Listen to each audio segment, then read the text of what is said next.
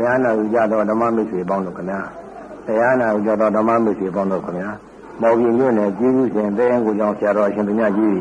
ရန်ကုန်မြို့မိုးကောင်းဘုရားဗုဒ္ဓသာသနာဝေယဝိသနိဗ္ဗာန်သောဝတ်တဲ့၌တို့သာသနာတော်တက္ကိ2509ကောဇာတက္ကိ1329ခုနှစ်တဘူရဲလာပြီးတော့တရက်တင်းနေနေနာနဲ့၌သံဃာတော်များဆွမ်းပြည့်တဲ့ဆရာတော်ဘုရားကြီးကိုယ်တိုင်ဆွမ်းစားပြီးပြီးနောက်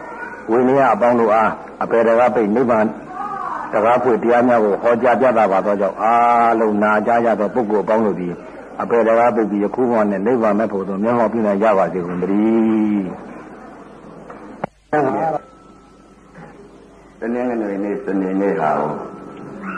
ဥမာပဲသာသနာပြုရပါစေ။အဲသာသနာပြုတော့ဥဩဘာတခါတတိတော်ဘုရားတနင်္ဂနွေနေ့လေးကိုတနင်္ဂနွေနေ့ဆိုရင်ဘယ်ဌာနမှမပေးပါဘူး။ ဘာကြောင့်လဲတဲ့။ကြောက်မှာယောဂီတွေကလည်းရှိပါတယ်။သံဃာတော်ရှင်များများလည်းရှိပါတယ်။ထေကြီးဝါရှိတယ်။အဲ့ဒါဒီသာသနာပြုရပါတယ်။အဲဥဩဘာတခါဘုရားကြီးတော်တို့ညပွဲမရလို့ရှိရင်ဗျာတနင်္ဂနွေနေ့ကိုတရက်တရက်တော့တတိတော်တို့တရားချင်းမြတ်ပါဗျာအဲ့ဒီလိုတောင်းတာတော့ဟောတော့သူလည်းတာနာပြုနေတဲ့ပုဂ္ဂိုလ်ကြီးပဲတနင်္ဂနွေနေ့တရက်တရက်တော့ ကြားရက်တွေတော့ပြီးမှပဲဒီလိုဆိုပြီးတော့တနင်္ဂနွေနေ့သံဃာတော်များများလည်းဆွန်ကျွေးဆိုပြီးတော့တရားပွဲလုပ်တယ်တရားပွဲသူ့ကိုတနင်္ဂနွေနေ့တရက်တော့သူပြီးပါဘာကြောင့်သာသနာပြုတာကိုပုဂ္ဂိုလ်ဒီသာသနာပြုတဲ့ပုဂ္ဂိုလ်ဆိုတာဒါကဘုရားလည်းဆုံးလေးသူသွားတယ်သာသနာပြုတဲ့ပုဂ္ဂိုလ်အနာဖြစ်ပေါ်ခြင်းပြီးအဲသာသနာပြုတဲ့ပုဂ္ဂိုလ်ဆိုလို့ရှိရင်တော့ ဦးဇင်းဟာတနင်္ဂနွေနေ့ကိုဘယ်ပုဂ္ဂိုလ်ကလာပြည့်တယ်မရဘူးဘာကြောင့်လဲကြောင်းကူမှာတနင်္ဂနွေနေ့ဆိုလို့ရှိရင်ဖြင့်အမျိုးမျိုးအရွာရွာအမြင်နဲ့အရရကခရီးဝေးကြီးတွေကလာကြပြီးတော့တနင်္ဂနွေနေ့လေးအားကိုးပြီးလာတယ်ဆိုဦးဇင်းမတွေ့ရင်ပြည့်လက်လာတော့အဲ့ဒါကြောင့်တနင်္ဂနွေနေ့ကိုသုံးဖြတ်တယ်ဘယ်ဌာနမှမကွာဖုံးပဲ့လည်းမလိုက်ဖုံးဖုံးကျွေးလို့ပြင့်လို့လည်းမလိုက်ဆိုပြီးတော့အဲ့ဒီလိုထားတာအခုတော့မိုးကောင်းကတော့သာသနာကြီးကစတည်ပြီးတော့ ဥပဒေသာသနာကြီးပွင့်လာတဲ့အခုကဝါက9ဝါရပါပြီတဝါကတော့ဥပဒေဟာလေးတိုင်းစဉ်လေးနဲ့နေပြီးတော့ဘုဒ္ဓဂိတ်ကိုတော့အောင်လာတော့လွတ်မြောက်ပြီအဲဥပဒေရဲ့ဥပ္ပစ္စေဆရာကိုလည်းလောကီထဲမှာလောသမုဒိတစ္ဆာနဲ့မှနေရလို့ရှိတယ်ဆရာနဲ့နေရလို့ရှိရင်ဥပ္ပစ္စေဆရာနဲ့နေလို့ရှိရင်ဥပ္ပစ္စေဤအသုံးအနှုန်းကိုလိုက်ရဝကြည့်ဝင်ငယ်ပြုတ်ပါဥပ္ပစ္စေဆရာဤ အလုတ်တွေးကိုပြုတ်နေရဘာကြောင့်လဲအတော့ကံဆင်းတဲ့ကပညာတော်ထားရတာဟုတ်ကံဆင်းတဲ့ကပညာတော်ထားရတော့ဥပ္ပစ္စေဆရာစကားကိုနားထောင်ရအဲ့တော့ဥပ္ပစ္စေဆရာစကားကိုနားထောင်တော့ဥပ္ပစ္စေဆရာတလားကနှစ်လားနှစ်လားကသုံးလားတော့ရှိတော့ဥပ္ပစ္စေဆရာကိုလျှောက်တပည့်တော်ဘုရား စွာကလည်းမတတ်ပါဘုရားအယုတ်ကြီးလည်းအယုတ်လည်းမရတာတရားလည်းမဟောတာသီလလည်းမပေးတာပါဗျာဘုရားတပည့်တော်အကျင့်နဲ့ကဖြစ်ချင်းကြောင့်အရှင်ဘုရားအကျင့်နဲ့ဖြစ်ခြင်းကြောင့်တပည့်တော်မလုံလောက်သေးခြင်းကြောင့်မလို့တပည့်တော်ဗျာသပိတ်ကလုံးနဲ့တပည့်တော်သင်္ကန်းသုံးတယ်ရှိပါဗျာတပည့်တော်ဘုရားပြည့်ညတ်တော်ထားတဲ့အတိုင်းပါဗျာဘုရားတပည့်တော် လွတ်ရလွတ်ကြောင်းလေးများဘုရားတပည့်တော်နင်လာနာပါကြင့်မရစီဗျာဥပ္ပစ္စေဆရာကိုတောင်းပါအဲ့တော့ဥပ္ပစ္စေဆရာအေးဘယ်မှပြင်လို့မလိုက်ဘူးတရားလည်းမဟောဘူးသီလလည်းမပေးတတ်ဘူးဆိုလို့ရှိလို့ရှိရင်ဖြင့်ကဲဒါမြင်ကျင့်နေတော့ဆိုတော့ဥပ္ပစ္စေဆရာကနေပြီးတော့ကျင့်နေတော့ဆိုတော့ကျင့်တယ်ဥပဇင်းတို့နှောကုန်းရွာကနေပြီးတော့သိတယ်မဝေးပါဘူး နှောကုန်းရွာကနေဆိုတော့တမိုင်တော့ဝေးအဲ့တော့ဥပဇင်းဟာအတိတ်ကလာတော့ကပထမဒုတိယတတိယဒါပညာကိုပြောတာနော်ပထမမဲ့ဒုတိယမဲ့တတိယမဲ့ရလိုက်တဲ့အချိန်ခါတုန်းကဆင်ရင်ကြည့်လိုက်ငါဘယ်ဘယ်နေ့ဘယ်ဘယ်ဌာနငါငါပြိဋိဘံပြုရမလဲလို့ဆင်ရင်သုံးသပ်လိုက်ဆင်ရင်သုံးသပ်ပြီးကဘာကြီးကိုခြုံတယ် စိတ်နဲ့တခါတည်းကဘာကြီးကိုခြုံပြီးကြည့်ဘယ်နေရာမှာငါပြိဋိဘံပြုရမလဲလို့ဆိုပြီးတော့ဆ ဆင်ញင်သုံးသပ်ပြီးကြည့်လိုက်တယ်ဥစ္စာတခါတခါပါလုံးခြုံကြည့်ခြုံကြည့်လိုက်တဲ့ဘဲမှမလို့ခြုံခြုံခြုံခြုံပြီးတော့စိတ်နဲ့ဆွဲယူလိုက်ဆွဲယူလိုက်တော့အဲ့ဒါပါဟိုတဲ့နှောကုန်းကြောင်းကြီးကနေပြီးတော့ဆင်ញင်အဲနှောကုန်းကြောင်းကြီးတယ်လေဥပဒေအခုတရားစထိုင်တဲ့ပလင်တီထားတဲ့နေရာနေလေးတိုင်စင်လေးပေါ်ကနေပြီးတော့ဆင်ញင်ကြည့်ရတယ်အဲ့ဒါကာမဆင်းရတယ်အဲ့တုန်းကဆင်ញင်ကြည့် ခြုံကြည့်လိုက်တဲ့အချိန်ခါကျတော့ရွာသစ်ကုန်းထိတ်ကတရက်တင်လေးပဲနဲ့ကုန်းကြီးကိုသွားပြီးတော့သဲကုန်းကြီးကိုအဲ့ဒီမှာသွားပြီးတော့ကြည့်လိုက်တဲ့အချိန်ခါအဲ့နေရာမှာပေါ်လာဘယ်လိုပေါ်လာကြောင်းတိုက်ကြီးပေါ်လာကြောင်းတိုက်ကြီးပေါ်လာတော့ဩဒီကြောင်းတိုက်ကြီးကမြို့ကြီးအလားတူးနေပါလားမြို့ကြီးလိုဖြစ်နေပါလားဒီကြောင်းတိုက်ဘလူကြောင်းတိုက်လေဘလူဇာတိလေဘလူ တရားဌာနလေလို့တခါပြန်ဆင်ရင်ကြည့်ပြန်ဆင်ရင်ကြည့်တော့ဘုရားကြီးသုံးသူပေါ်ဘုရားကြီးသုံးသူပေါ်တာအတိတ်ကိုတခါပြန်ဆင်ရင်ကြည့်ဩဘုရားသုံးသူသိအသိဆင်ရင်ကြည့်ဘုရားကြီးသုံးသူပေါ်လာတော့နောက်တစ်ခါပြန်ပြီးဆင်ရင်ကြည့်လိုက်ဒီနေရာဟာဘလူဣဇာတိလေကပြန်ပြီးဆင်ရင်ကြည့်ဆင်ရင်ကြည့်တော့ကုဖျားကြီးပေါ်လာကုဖျားကြီးပေါ်လာတော့ဒီကုဖျားကြီး ကုဖျားမှန်းလည်းမသိသေးဘူးနောက်ဆင်ရင်ကြည့်တော့ကုဖျားကြီးကမှမှန်ကောင်းနဲ့ရုပ်ကလတ်ကြီးပေါ်လာရုပ်ကလတ်ကြီးပေါ်လာတော့မှအဲ့တော့မှဒီရုပ်ကလတ်ကြီးဘလူလဲဆိုတော့ဥစဉ်ရုပ်ကလတ်ကြီးဖြစ်ဩငါသာတိပါလားငါဒီနေရာပြည့်နေပါပြုတ်အောင်ပါလားဆိုအဲ့တော့မှအဲ့နေရာမှာပထမမဲ့ဒုတိယမဲ့တတိယမဲ့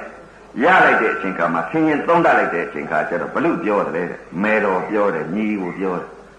ညီဆိုတာအခုလည်းဒီမှာပါလာညီတယောက် မောင်ဖုံးညွန့်တယ်သူကအိုးအိုးပဒင်ကျဲနေတော့သူကဝါရောင်းမှစားပြီးတော့သူကပြုတ်ပြုတ်တောင်ပေးနေတဲ့တကားပါပဲ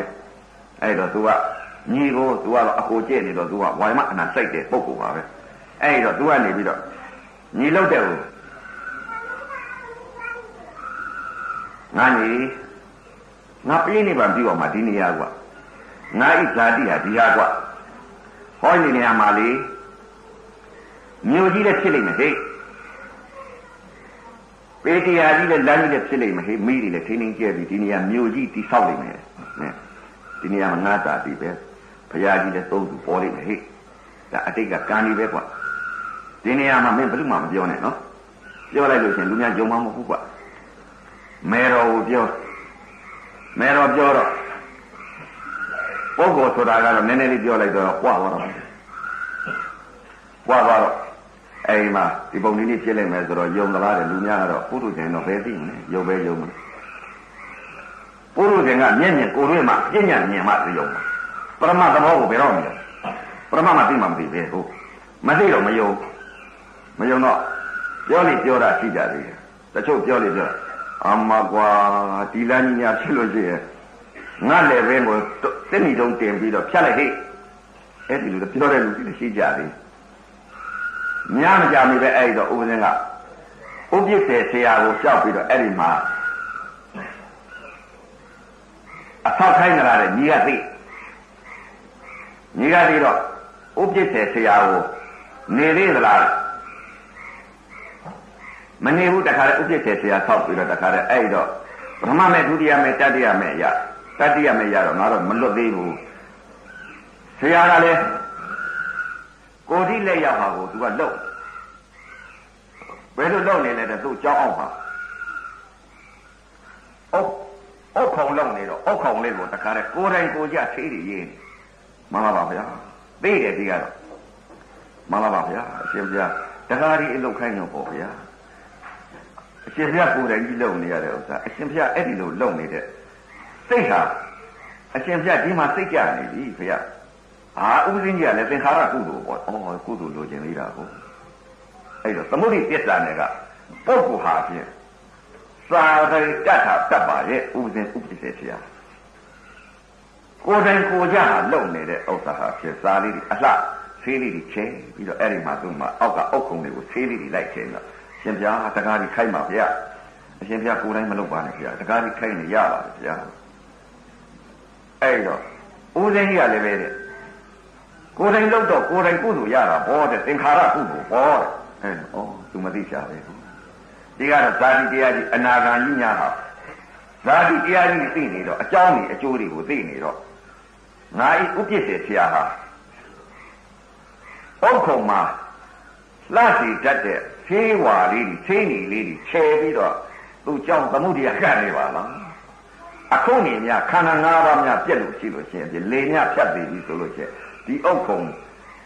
ပိတ်တာဖြစ်ပြီးတော့အင်းဇာတိကြနေဒီပိတ်တာဖြစ်ပြီးတော့သူစောင့်ရမှာပဲလို့ဆိုတာစိတ်တည်သိထားတော့ဘုန်းကြီးကိုသွားပြီးအဲ့ဒီဝေးတယ်ဘုန်းကြီးကမသိမသိတော့လည်းပြောသလားမပြောတော့အဲ့တော့တလားကနှစ်လနှစ်လကသုံးလကြာတော့ဘုန်းကြီးကိုလျှောက်တတိတော်ဗျာလွတ်လွတ်ခါခါလေးများဟာဖြင့်ကြည့်မရလို့တို့ကြောက်တော့တာပေါ့သမုဒိတစ္ဆာနယ်ကပရိဘောဂဝေယဝိစ္စဆိုတဲ့ဥစ္စာကိုမနဲ့မိုးနေလားဆိုရင် ဥပြည့်တဲ့ဆရာကိုတွားပြီးတော့အဲရေခတ်ပေးရတယ်ကြီးမျက်နှာသက်တော်ကြီးတဘူမျက်နှာတော့ပွားအဲ့ဒီလိုဝကြည့်ဝတ်ငယ်ပြပါဆရာဤဝတ္တရားတပည့်ဤဝတ္တရားဒါရီရှိရဒါရီရှိရတော့ရေညနေကြပြန်တော့လေဖရာကိုရေချမ်းထဲရပန်းကရစီမိထွန်းဒီစီမိထွန်းရင် ပန်းကချင်းလူချင်းဆိုတဲ့ဥစ္စာဒီစိတ်ကြီးသိထားတော့အကုသိုလ်ကံကုသိုလ်ကံကုသိုလ်ကံကိုမလိုခြင်းမလိုခြင်းပဲတဲ့လောက်တာလောက်နေရတယ်ကုသိုလ်စိတ်နဲ့လောက်သလားမလို့ဝတ္တရားကြောင့်လောက်နေရဘုန်းကြီးကဥပ္ပစ်တဲ့ဆရာကထိုင်းလို့သာလောက်နေရတပြက်လဲခြင်းနဲ့တပြက်လဲရပြန်တယ်ဆင်ရင်ပြီးတော့ဩငါ့သမုဒိသစ္စာနဲ့ကဥပ္ပစ်တဲ့ဆရာနဲ့သူတို့မှာကိုယ်တော်အလုတ်တွေသာလောက်နေပါလားတပြက်လဲခြင်း အဲကြောက်မှတပြက်လဲခြင်းအောက်မှတပြက်လဲခြင်းအကုန်လုံးအမိုက်ရှင်းခြင်းဆိုတဲ့ဒီအလုတ်တွေကိုလုံနေရတဲ့ဥစ္စာကသေနာသနာဝတ်လို့သူတို့ပြောတယ်ဟောငါလုံရခြင်းဟာဒုက္ခကြီးပါလားသူတို့စိတ်တွေကိုမသိကြတော့တပြက်သိလှဲလိုက်တယ်ငါတို့ကုသိုလ်ရတယ်ဆိုပြီးတော့တပြက်လှဲခြင်းဆိုတော့ကုသိုလ်တော့ရပါရဲ့ငါတို့သူ့စိတ်ကငါတပြက်စီသေနာသနာဟောလှုပ်လိုက်လို့ရှိရင်တပြက်စီလှဲလိုက်လို့ရှိရင်ဖြင့်ငါကုသိုလ်ရမှာပဲလို့ဒီလိုယူဆလိုက် ကုသိုလ်လိုချင်တယ်ဆိုတဲ့အယူမှအမှမှအစွဲမှဒိဋ္ဌိကြီးကအပေပို့မှာကိုမလေးစိတ်ပြောတာနော်သဘောလေးတွေနာပေါ့စိတ်ကလေးတွေပြောတာဥပဒေအတိတ်ကကြာလာတဲ့စိတ်တွေကိုသိလာတဲ့စိတ်ကလေးတွေဖြစ်ပုံတွေကိုပြောတာဩတပြက်စီသေနာသနာဟောလှုပ်ရတာနဲ့ကုသိုလ်လိုချင်တဲ့စိတ်ကဘာစိတ်တော့ဩမသိလို့ဒုက္ခသစ္စာကိုမမြင်လို့ကိုယ်လိုဖြစ်ပြန်တော့လေလူရဲ့ဖြစ်လာပြန်တော့လေအိုခြင်းတရားနာခြင်းတရားသိခြင်းတရားလည်းမလွတ်ပါလား ဓမ္မရဲ့လို့ဖြစ်ပြန်တော့လေအိုခြင်းတရားနာခြင်းတရားသိခြင်းတရားမလွတ်ပါလားလူချမ်းသာဖြစ်ပြန်တဲ့ဒုက္ခနတ်ချမ်းသာဖြစ်ပြန်တဲ့ဒုက္ခယမချမ်းသာဖြစ်ပြန်တဲ့ဒုက္ခအိုခြင်းတရားနာခြင်းတရားသိခြင်းတရားနဲ့မလွတ်ဆိုတဲ့ဥစ္စာသင်ရင်သုံးတိုက်တယ်ကိုယ်တို့ကံကိုကြည့်တော့ဇာတိတရားကြီးကိုမြင်တော့အကြောင်းတရားအကျိုးတရားကိုမြင်တော့အနန္တကြောက်အရိယာများအနန္တကြောက်တာပေါ့ကုသိုလ်လည်းကြောက်တာကုသိုလ်မလို့ခြင်းဒါကြောင့်မလို့ဒီကုသိုလ်ကိုသေနာသနာကိုအကြောင်းလုံး မှန်ပါပါဗျာဘုရားတပည့်တော်ဘယ်ကပဲ့ပဲ့ဘုရားတပည့်တော်မလိုက်ပါဗျာသမုဒိသစ္စာကခက်ဘယ်လိုကြောက်လဲကြောင်းနေညားနေပြီဆိုလို့ရှိရင်သမုဒိသစ္စာဆိုတာကခက်တယ်ဗျာဘာကြောင့်လဲတဲ့လောဘဆိုတာကသိနိုင်မှုကအနံခဲရဲ့ဘာကြောင့်လဲတဲ့သူ့ကိုဗရင်ရင်ပေးရဦးစင်းကအလှူတွေမလိုက်ပါဗျာ ဒီလိုဗရင်ရင်ပေးရတတိတော်ပရိလည်းမရွတ်တတ်ပါဗျာသီလလည်းမပေးတတ်ပါဗျာတတိတော်အပြင်တတိတော်ကူလေးကလွတ်လွတ်ခါခါလေးကဖြင့်တတိတော်ကြင့်ပြီးတော့တတိတော်သင်္ကန်းသုံးတယ်နဲ့တပိတ်သလုံးနဲ့တတိတော်လွတ်ရလွတ်ကြောင်းလေးပဲတတိတော်ဆွမ်းခါစားပါမယ်ဗျာတပည့်တော်အလှူတွေပါတွေမလိုက်ပါဗျာဒီအလှူတွေပါတွေလိုက်ဖို့လည်းတပည့်တော်သိမရှိပါဗျာဆိုတော့ကောင်းပြီကဲတန်းနေပြစ်ပြီတော့ပြစ်ပြီတော့ဆိုပြီးတော့ဦးစင်းထွက် နောက်ကညီပါတယ်ဦးစင်းဟိုအတိတ်ကအတူတူကျင့်တဲ့တကားရွှေတဲ့တကားတင်စောတဲ့အဲနောက်ကတကားသုံးတော့ပါညီပြောတာအာမောင်ဖုန်ညောမဲငါပဲပို့မလဲမဲငါတွန်တီတိုးကြီးပို့စမ်းကွာလွတ်တဲ့စီကူလေးရှိတဲ့နေရာငါပို့ခဲ့တော့မဲငါတပိတ်ရှိတယ်ငါပြေးပြီလို့ဆိုတော့အဲ့တော့ပထမမဲ့ဒုတိယမဲ့တတိယမဲ့ရရလိုက်တဲ့အချိန်ခါကျတော့အဲ့ဒီမှာ ညီရဲ့တကားတေစောရဲ့တကားရွှေရဲ့ဆိုတော့အဲ့နောက်ကတကား၃ယောက်ပါတကား၃ယောက်ကလည်းပို့မယ်ဆိုတော့မော်ဖီတက်လာတဲ့အချိန်ခါကျတော့တပိတ်ကလေးလွယ်ပြီးတော့အဲ့တကား၃ယောက်ကလည်းနောက်ကပါမော်ဖီတက်လာတဲ့အချိန်ခါကျတော့ဥပဒေအတိတ်ကလာတော့ကပစင်းတခါပေါ့လေအဲသူကငွေများတာပေါ့ဘုံတော့ဘုံပစင်းပေါ့သူကငွေများလို့သူ့မှာမူတီပြောရတာပါ မော်ဖီကတခါကြီးကအရှင်ဘုရားဒီကနေ့မကြွပါနဲ့ဘုရားနဲ့ပြင်ကခွန်းစားပြီးပါတပြည့်တော်လည်းလိုက်ပို့ပါမယ်ဘုရားတွန်တီတော်ကြီးဒီလိုဆိုရဆိုလိုက်တဲ့အချိန်ခါကျတော့တခါကြီးကပြန်ပေါ်ကုန်ဦးတဲ့ကတော့နေခဲ့တာပေါ့လေနဲ့ပြင်မှာသွားတော့မယ်လေဆိုပြီးတော့တခါကဆိုင်ထားတာနဲ့ပဲအဲ့ဒီလိုနေရနေတော့မနဲ့မိုးလင်းတဲ့အချိန်ခါကျတော့ ခொနနာရီရှင်းနာရီမထိုးတော့9နာရီကြာ9ရင်7နာရီထိုးပြီး9နာရီကြာလား7နာရီကြာအဲ့ဒီကြာကြသွားတော့မှာဟုတ်ကိုယ်လုတ်ကိုလုတ်ရတော့အဲ့တော့ကိုယ်လုတ်ကိုလောက်ဥပဒေဆင်းရင်ပြီးတော့သုံးသပ်သုံးသပ်လိုက်တဲ့အချိန်ကပလက်ကလေးလှမ်းပြီးတော့အိမ်ရင်းနဲ့ဆင်းရင်လိုက်ဆင်းရင်လိုက်တော့အနာဂတ်ကြီးဟာယူပကိလေသာယူပတဏှာတဲ့အနုတ္တယကိလေသာဘယ်မှာရှိလဲတဲ့ အဆင်းပေါ်မှာကတ်ရှိနေတဲ့စိတ်မရှိတဲ့ယုတ်တရားလေးတွေတပွားပွားပြုတ်ပြက်နေတဲ့သဘောတရားလေးတွေအဲ့ဒီမှာကတ်ရှိနေတဲ့စိတ်ကလေးကအနုတ္တယကိလေသာကျန်ကတ်နေတဲ့စိတ်ကလေးကျန်ယူပကိလေသာယူပတဏှာဆိုတာဗြမာများဟာအခင်းပုံကြီးကိုဗြမာပုံကြီးကိုအခင်းပုံကြီးအခင်းယုံကြီးကိုတာတွဲပြီးနှက်သက်ပြီးတော့ဒီပေါ်ကတ်နေတဲ့စိတ်ကလေးအဲ့ဒါနတ္တိ၆ဓာတ်ဆိုတာကာမကိလေသာကာမတဏှာလူပြည်ဆိုတာကာမကိလေသာကာမတဏှာခေါ် စာရဲပါကြတယ်မြမနဲ့ထဲသွားရမယ်ပုဂ္ဂိုလ်ကယူပကိလေသာယူပဒနာယုခဏနံကနာကျင်းလို့ရှုစရာမရှိလို့အာယုံရောက်ပြက်တဲ့အခင်းတွေကိုပေါ့ပေါ့ပေါ့ပြိုပြက်နေတဲ့ဥစ္စာတွေဒါလေးကတ်နေနေတဲ့စိတ်ယူပကိလေသာယူပတဏခေါ်တယ်ဒါကြောင့်မို့မြမဘုံကိုသွားသူကသိအဲရှင်းနာရီ9နာရီကြာကြတော့ပလက်လံပြီးတော့ အသာလေးလျှောက်နေပြီးတော့အဲ့ဒီမှာအသိကရအသိကလိုက်တော့ဩရှုစရာမှတ်စရာအနိစ္စဒုက္ခအနတ္တလက္ခဏာကြီးသုံးပါးကိုသင်ရင်သုံးသပ်နေရင်နဲ့ရှုရင်ရှုရင်ရှုရင်နဲ့မက်စိမပရိပဒါအလဲအလကလေးလက်ဦးတော့ကစိတ်သောကလွန်နေတာကိုတမာတိလွန်စိတ်သောလွန်တာဘယ်လိုလွန်တယ်လဲ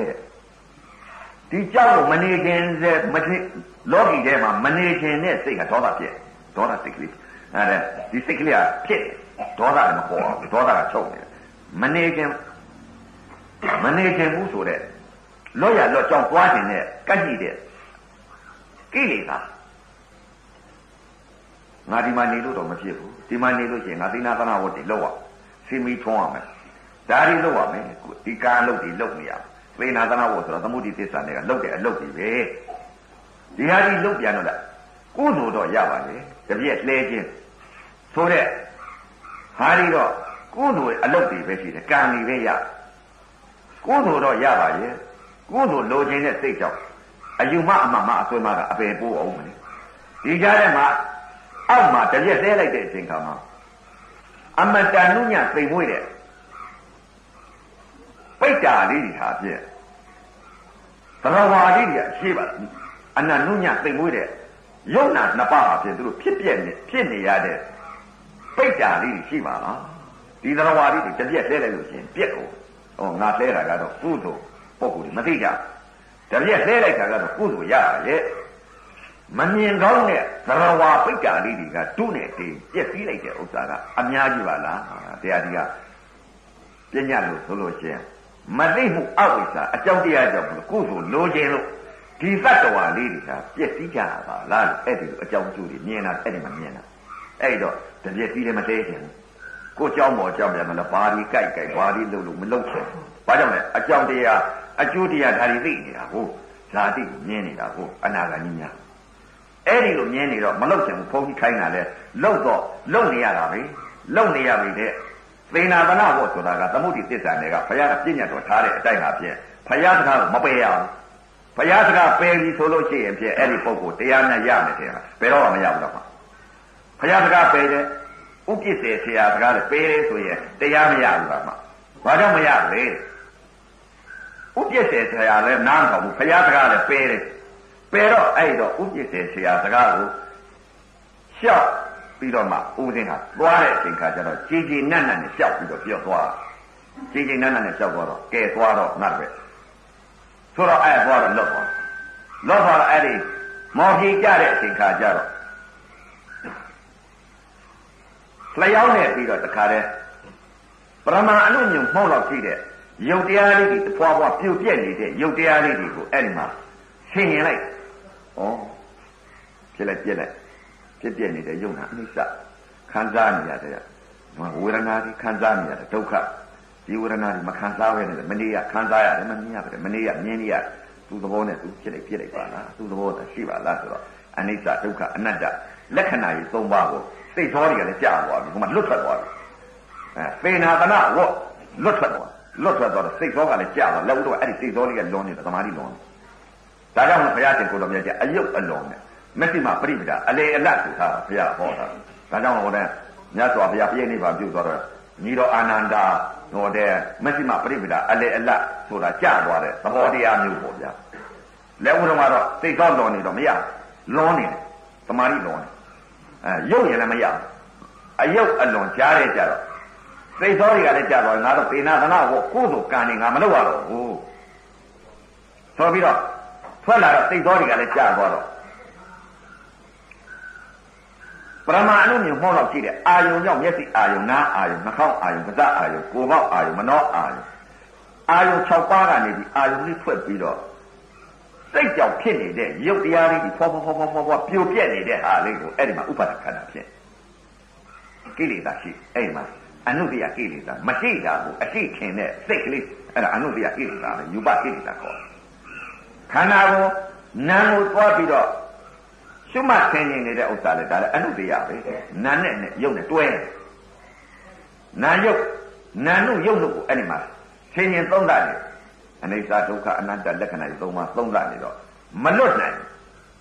ဥပါဒဖြစ်နေတာကွာဒီပေါ်မှာမရှိပညာကိုအာရုံပြုနေအနိစ္စဒုက္ခအနတ္တလက္ခဏာတွေသုံးပါကိုသုံးတာနေတော့ဩဆင်းရင်သုံးတာနေတယ်မစ္စည်းမပြိပဒအလဲလဲလိုက်အလဲအလက်ကလေးလေးကြားလို့ပဲသိတော့လဲကြောဩဝိဇ္ဇာ ပညာဖြစ်လာတဲ့အခါတည်းကိုဘယ်လိုဖြစ်လာဩငါအာယုံကြောင့်ပြက်တာပဲမျက်စိကကြည့်ခြင်းတယ်ဆိုတဲ့အာယုံလေးကြောင့်ဖွာဖွာနဲ့ပြက်တယ်မျက်စိမျက်စိကဒီအာယုံကပြက်တယ်နားကလည်းအာယုံကြောင့်ပြက်တယ်နှာခေါင်းကလည်းအာယုံကြောင့်ပြက်တယ်လျှာကလည်းအာယုံကြောင့်ပြက်တယ်ကိုယ်ပေါက်ကလည်းအာယုံကြောင့်ပြက်တယ်မနှောကလည်းအာယုံကြောင့်ပြက်တယ်တကား6ပေါက်အာယုံ6ပါးဟာပြက်အာယုံကြောင့်ပြက်နေတဲ့ရုပ် မရှိတာအရှိခင်ပြီးဒီရုပ်ပေါ်ငါကအနိစ္စဒုက္ခအနတ္တဆိုတာမရှိပြည့်ညက်ကြည့်ပါလားဒါကြောင့်ငါမလွတ်နိုင်ပါလားဆိုတာဒီပေါ်မှာကိလေသာအနုတ္တိယကိလေသာအဲ့ဒီမှာရုပ်နဲ့နာနဲ့ကိုအနုတ္တိယကိလေသာပယ်လိုက်အဲအနုတ္တိယကိလေသာဘယ်ဟာအနုတ္တိယကိလေသာဖြစ်နေလဲစကားကမများမေးကြအကြောင်းတရားရှိတယ်အနုတ္တိယကိလေသာဆိုတာမရှိတဲ့အာယုံရောက်ပြက်နေတဲ့ ရုပ်တရားလေးတွေတစ်ဖွာဖွာပြိုပြက်နေတဲ့ရုပ်တရားလေးတွေပေါ်မှာသွားပြီးတော့အနိစ္စဒုက္ခအနတ္တလက္ခဏာတွေသုံးပါဆင်းရင်မရှိတာကိုဆင်းရင်အဲမရှိတာကိုဆင်းရင်တော့အဲမရှိတာမှသိတော့မရှိတာမှသိသွားတော့အဲ့တော့မှဒီအပေါ်မှာဩငါမရှိတဲ့ဥစ္စာကိုအရှိခင်ပြီးတော့အနိစ္စဒုက္ခအနတ္တလက္ခဏာကြီးသုံးပါးငါသုံးသနေတဲ့ဥစ္စာမရှိပြဉ္ညာကြည့်ပါလားအနိစ္စဆိုတာကလည်းပြဉ္ညာ ဒုက္ခဆိုတဲ့ဟာလည်းပြဉ္ညာအစိုးမရအနတ္တဆိုတာလည်းပြဉ္ညာကြီးပဲအနိစ္စသိညာဒုက္ခသိညာအနတ္တသိညာသိညာကြီးပေးနေလို့ဒီယုတ်ပရမအနုမြုံပုံတော့ရှိတဲ့ယုတ်တရားလေးတွေကိုအာယုံကြောင့်ပြည့်တဲ့သဘာဝသဘောတရားမရှိပြဉ္ညာကိုငါအာယုံပြုတ်နေပါလားဆိုပြီးတော့အဲ့ဒီအပေါ်မှာအနိစ္စသိညာဒုက္ခသိညာအနတ္တသိညာကိုပြဉ္ညာပြီး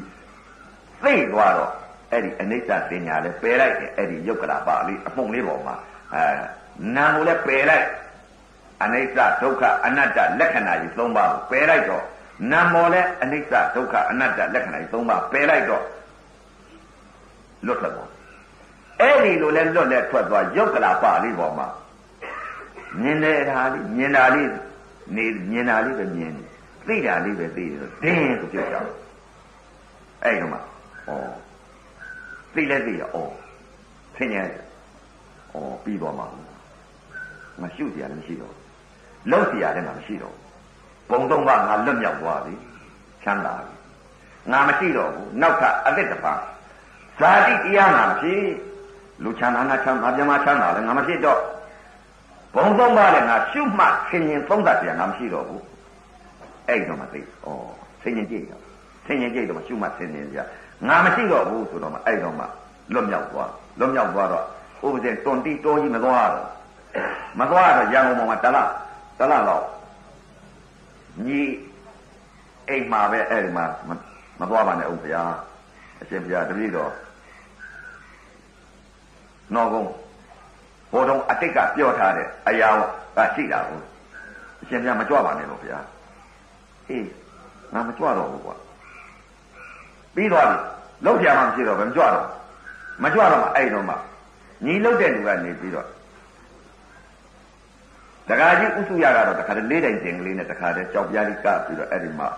တဏိမိုးလေးနဲ့လေးတိုင်ကျင်ကလေးအိတ်သာယုံလေးတော့ကရင်လေးတစ်လုံးစာကိုတွင်းပြီးတော့အဲ့ဒါကူလေးဆောက်ပြီးညီလုတ်တဲ့လူကတော့အခုလက်ရှိပါတယ်ညီဆောက်ထားတဲ့ကြောင်းကြီးအဲအခုဘုန်းကြီးသုံးပါးနဲ့ဓမ္မယုံထိတ်ကကူအဲ့ဒါညီဆောက်တာအဲသူကဆောက်ပြီးတယ်အရှင်ပြမကြွပါနဲ့တော့ဘုရားဆိုအဲသူသူ့ဆောက်ပြီးတော့သူ့ဟာသူဆောက်ရတဲ့ဥစ္စာငွေတစ်ထောင်လောက်ပုံနေတယ်မှာအဲ့ဒီကူလေးအဲ့ဒီလိုဆောက် အဲဥပဒေဟာဘယ်တော့သွားသရိတ်တလုံးနဲ့တခါတည်းဖုံးခံသားနေတာအဲမေတော်ကြီးတယောက်ကအဲ့ဒီဦးစင်ကူချီရင်ကကူမညီဆောက်ပေးတဲ့ပြညာလို့ညီဆောက်ပေးတဲ့ကြောင်းမှနေတဲ့ဦးစင်ကလေးတိုင်နေနေတယ်အဲ့ဒီလိုပဲဖုံးခံပြီးတော့မေတော်ကြီးကိုကျွေးပြီးတော့အဲ့ဒီမှာပြုတ်စုပြီးတော့အဲ့ဒီလိုပဲနေတာဘယ်ကပင်လည်းမလိုက်ဘူးဖုံးစားပင်လည်းမသွားဘူးဦးစင်ပါလားဦးစင်အဲဖုံးခံပြီးတော့အဲ့ဒါစားနေတာနောက်ကြတကောင်မိုးနတော်လား အဲ့ဒီလာတော့ကြတော့ပြောရင်တော့ပြညာဖြစ်တာပေါ့လေသာသနာအတွက်ဆိုတော့မနေနိုင်ဘယ်လိုကြောင့်လဲသာသနာဖြစ်လာတဲ့အချိန်ခါကျတော့တစ်ချက်ကြားနဲ့နှစ်ချက်ကြားကြောက်ကြတော့မြမာကြီးကြီးဆင်းလာမြမာကြီးကြီးဆင်းလာပြီးတော့ဥပဒေကလည်းကြည့်နေဩဒီပုံကိုဘာကြောင့်ပါကြပါလဲလာရကိုယ်တည်းဝင်လာပြီးတော့ဝှက်ချဝှက်ချတော့ဥပဒေကမေးလိုက် တကားတို့ဘာကိစ္စလာတဲ့မှန်ပါပါဗျာအရှင်ဘုရားကြီးသာသနာကိစ္စသာသနာပြုဖို့ချိန်ကြပါဗျာအဲ့လိုလျှောက်ဩသာသနာကိစ္စလား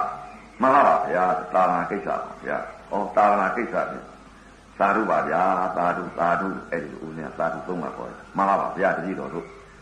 ပြန်ဝင်ပေးပါဗျာဆိုပြီးတော့ဝက်သုံးညင်ချပြီးအဲ့ဒါကြွားပါကြပြန်သွားကြပြန်သွားကြလာတော့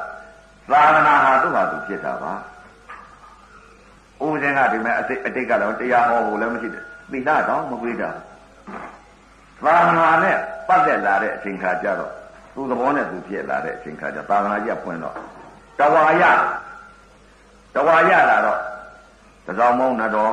လောက်ကြတော့တခါတည်းအဲ့ဒီကြတော့ဖြစ်လာအဲသံဝင်ဆိုတဲ့ဥစ္စာကဥပဒေကသံဝင်ကမဟုတ်ပါဘူးတခါကြီးတွေက အဲ့ဒီလုံးเสียမရှိတော့အဲ့ဒီတခါကြီးလည်းသိတယ်ဦးစင်းကြီးလည်းသိတယ်လုံးเสียမရှိတော့ဘူးကွာငါတော့ဆိုတော့ဘလို့မှမင်းတို့မပြောကြနဲ့လို့ဆိုသူတို့ကမနေဘူးရှောက်ပြောရှောက်ပြောတော့အဲ့ဒီတခါကြီးကနေပြီးတော့သံဝင်ကိုတော်ကြီးကိုရှောက်သူကဆင်ကျင်တဲ့ထမရဲ့ဒီနာကပုံကိုယ်တွေက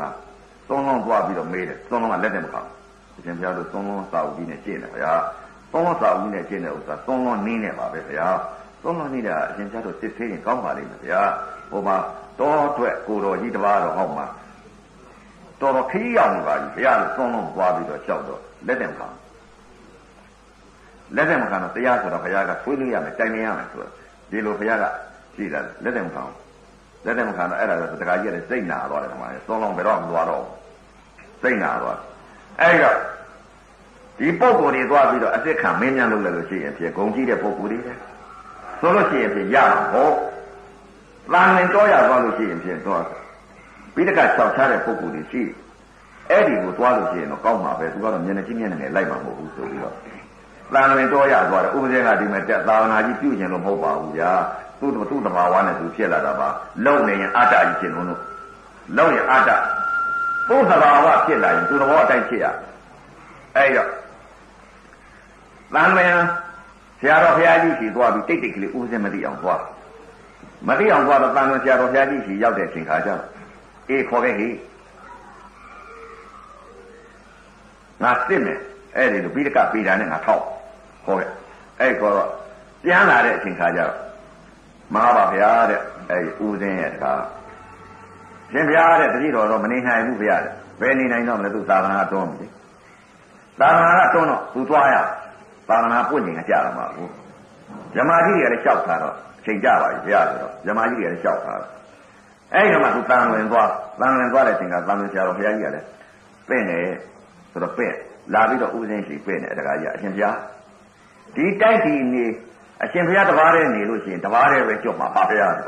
ဝိနည်းကတတ္တဝါပေါင်းမှာဖြင့်အရှင်ဘုရားသိအပ်တဲ့တရားတွေဟာဖြင့်အရှင်ဘုရားဟာဖြင့်ပြလို့ရှိရင်မကောင်းပြီဘူးလားဗျာတဲ့တပည့်တော်မနေနိုင်တော့ဘူးလေဘယ်လိုဖြစ်မှမသိဘူးဒါကြောင့်မလို့တပည့်တော်အရှင်ဘုရားမသိပဲနဲ့ အရှင်ဘုရားမပြောနဲ့မဆိုနဲ့ဆိုတပည့်တော်မနေနိုင်တော့ဘူးတဲ့တပည့်တော်တန်ရင်ပြေးပြီးတော့အခုတပည့်တော်ဗရင်ရင်ပေးခဲ့တယ်ဗျာတပည့်ခါတော့တပည့်တော်ပြင့်နေမှာမယ်လို့ဆိုပြီးတော့ဗရင်ရင်ပေးခဲ့ပါတယ်ဗျာဒါကြောင့်မလို့အရှင်ဘုရားလာပြင့်ရပါတယ်ဗျာဟာတခါအစတော့မှတကားကိုဦးစင်းမပြောဘူးလားဘလို့မှမပြောနဲ့ဦးစင်းဟာဘဲမှလည်းမသွားဘူးအလှလည်းမလိုက်ဘူးလို့ဦးစင်းဟာတော့တပားနဲ့နေမယ်လို့ဦးစင်းဟာပုတ်ပြပြီးတကားတို့ပြောထားတယ်ကတကားပရိညင်များပေးခဲ့သလား မှန်လားပါဗျာဒီလိုပရိညင်ပေးရပါလေဗျာအဲ့လိုလျှောက်ကဲကံကောင်းပရိညင်ပေးလို့ရှိရင်ဦးစင်းတော့စာမတတ်ဘူးတကားကြီးစာတော်ကတော့မမေးနဲ့သဘာဝကတော့တကားကြီးမေးပေါ့မေးသဘာဝတော့အကုန်သိပါရဲ့သဘာဝသစ္စာသမုဒိသစ္စာနည်းနည်းရှိတဲ့အ ਨੇ ကသမုဒိသစ္စာလို့ကတော့ဥပဒေမသိဘူးအကုန်မသိဘူးပြညာကိုသဘာဝသစ္စာခန္ဓာကိုယ်ကယုတ်သဘာဝနာမ်သဘာဝသစ္စာ၄ပါးကတော့အဲ့ဓာတွေတော့အကုန်သိတယ်ဗျာ အဲ့ဒီသဘာဝသစ္စာကိုတော့မေးသမုဒိသစ္စာတော့ဥပဒေစာမတတ်လို့အဲ့ဒါစာလို့ကမမေးနဲ့နော်သူကလည်းအကျင့်နဲ့ဝင်နေတဲ့ပုံကိုကြီးပါဗျာဒီအကျင့်နဲ့ဝင်နေတဲ့ပုံကိုကြီးဆိုရင်ကိစ္စမရှိဘူးအကျင့်နဲ့မဝင်မဲနဲ့ဘိဒက၆ချားနေတယ်မသိဘူးတခါကြီးရဲ့သူကပရိယတ်ကသိတာပရိပအကျင့်တွေကမြင်တာတွေသိတာတွေမဟုတ်ဘူးအဲ့ဒီတော့ပရိ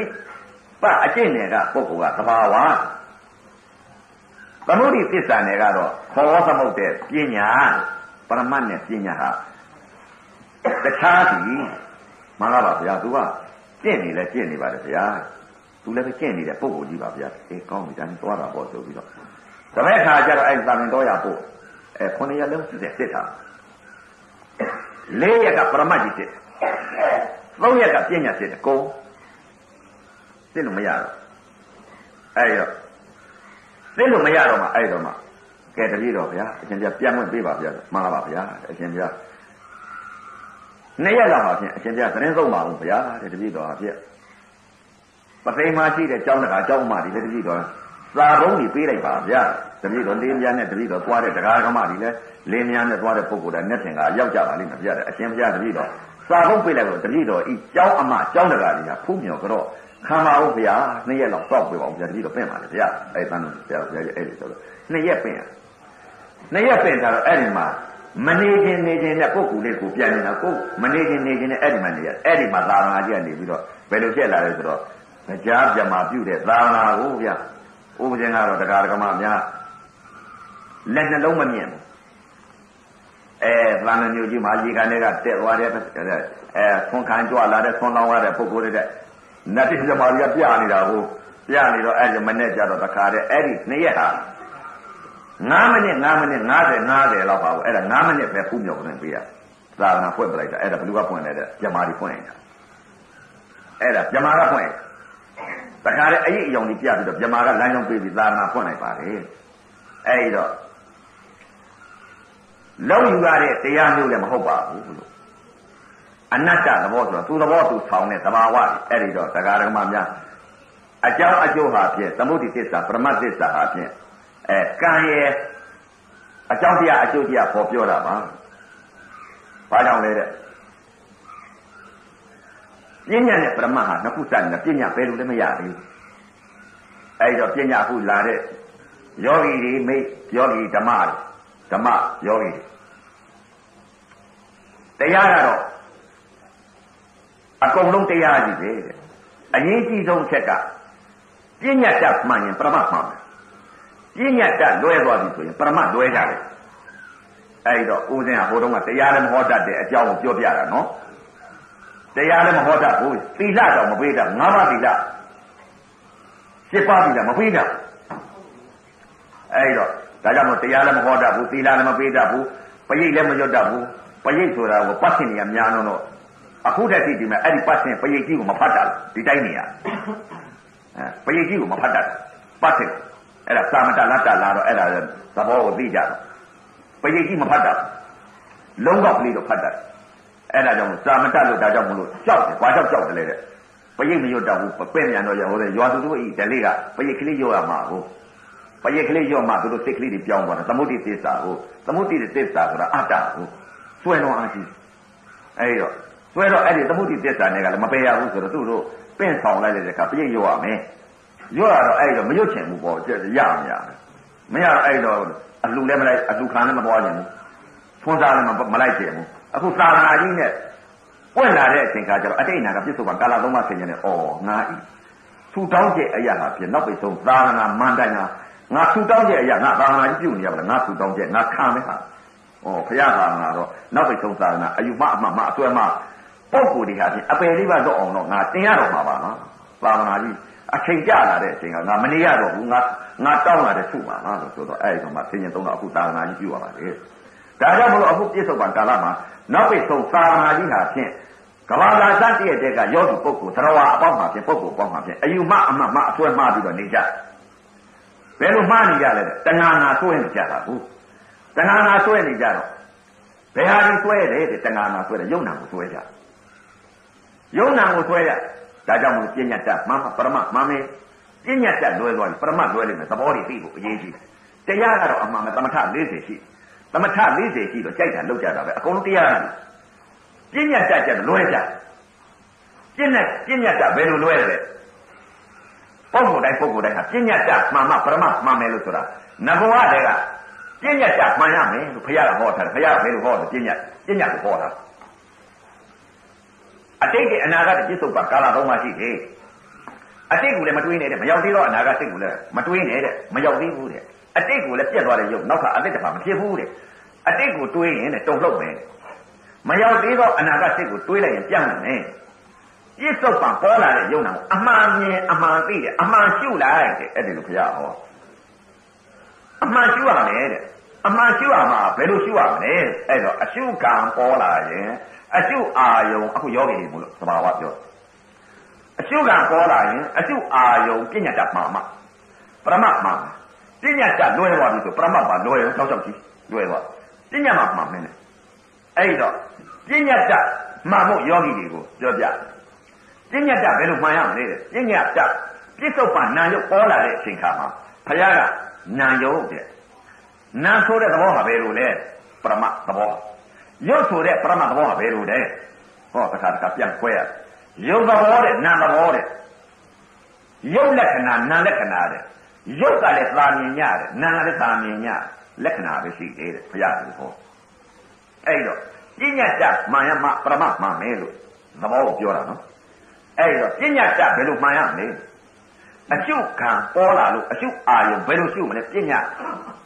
ပညာတင်ပြီးတော့ဘယ်လိုတင်စားပြီးတော့ရှုကြမလဲ အကျုခံအာယုံပေါ်လာပြီဆို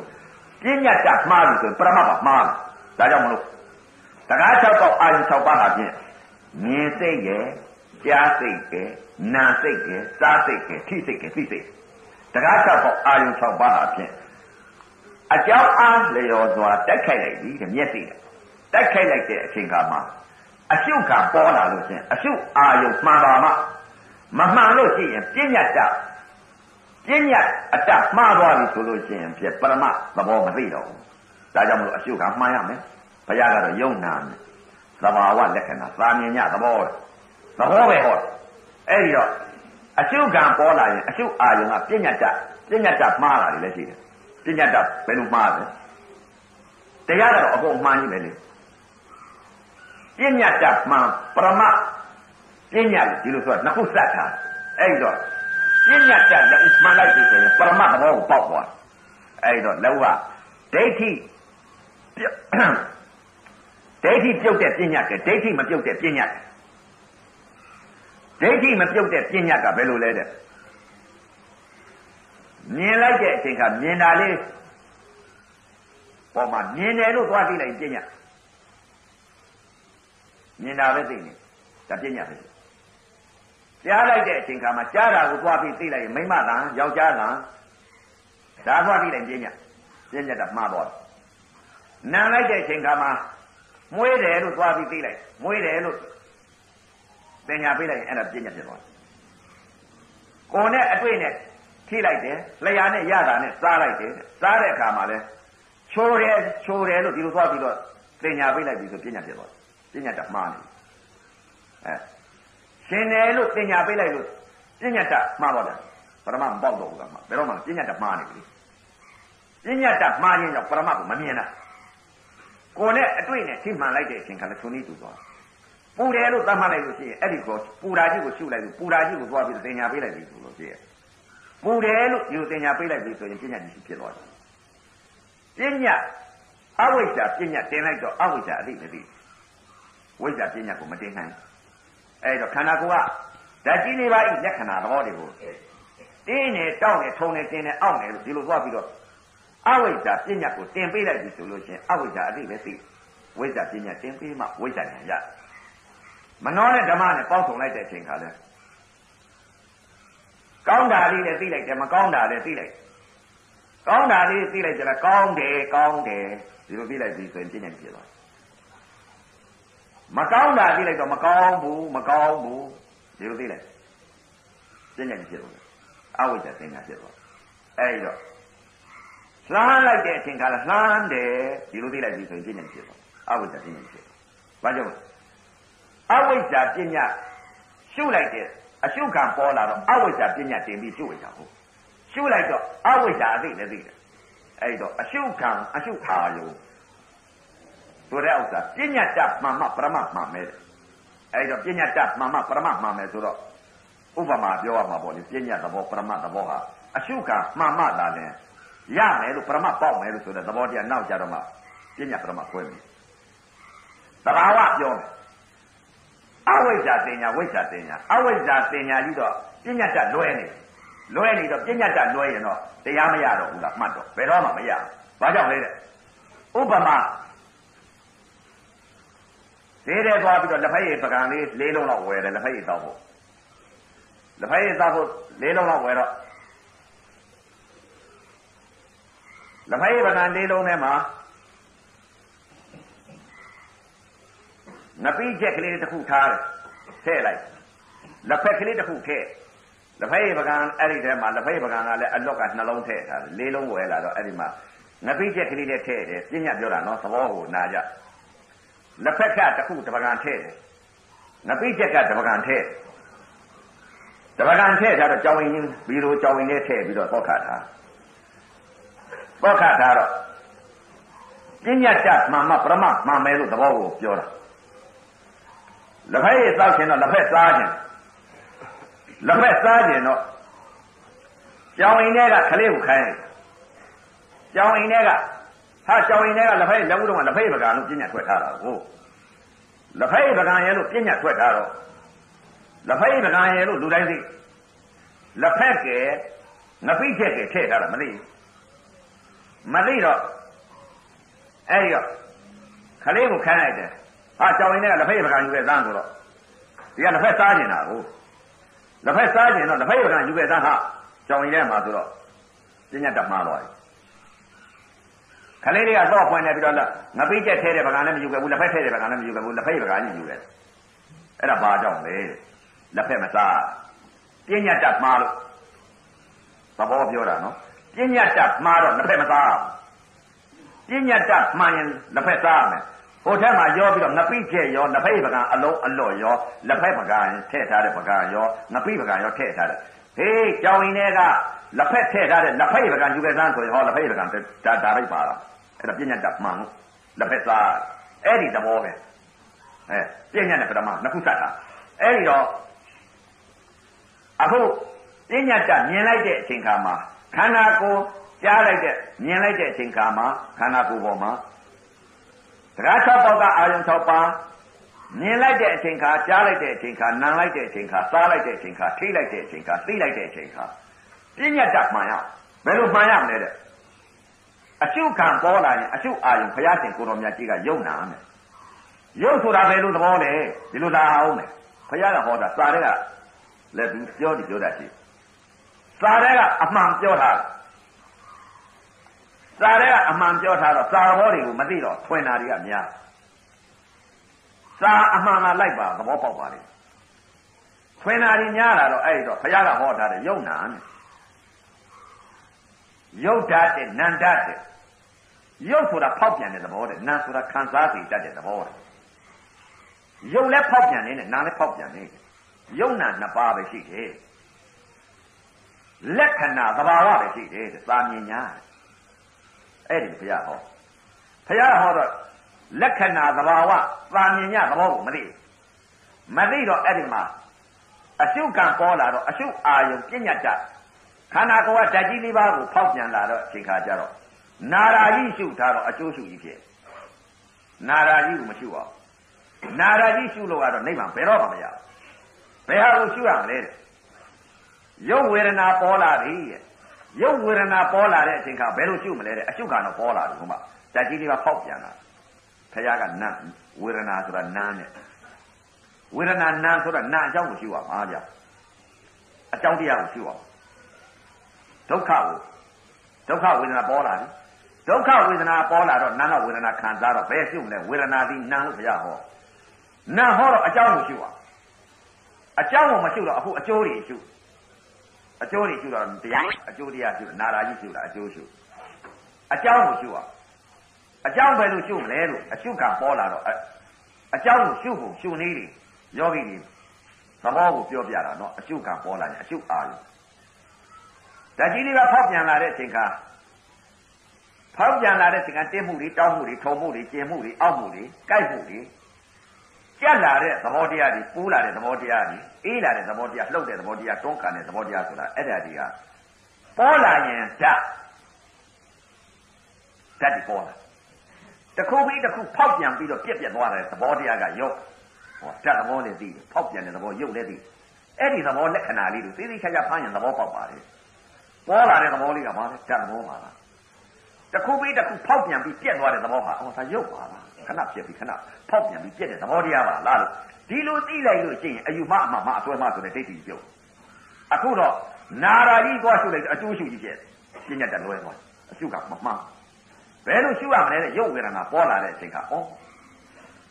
မြင်တာအတုပတရားကြီးပါလားဖောက်ပြန်နေတာရုပ်ပါလားခံစားနေတာနာပါလားဟောဒီလိုအရှုကမှန်သွားတော့လက်ဖက်သား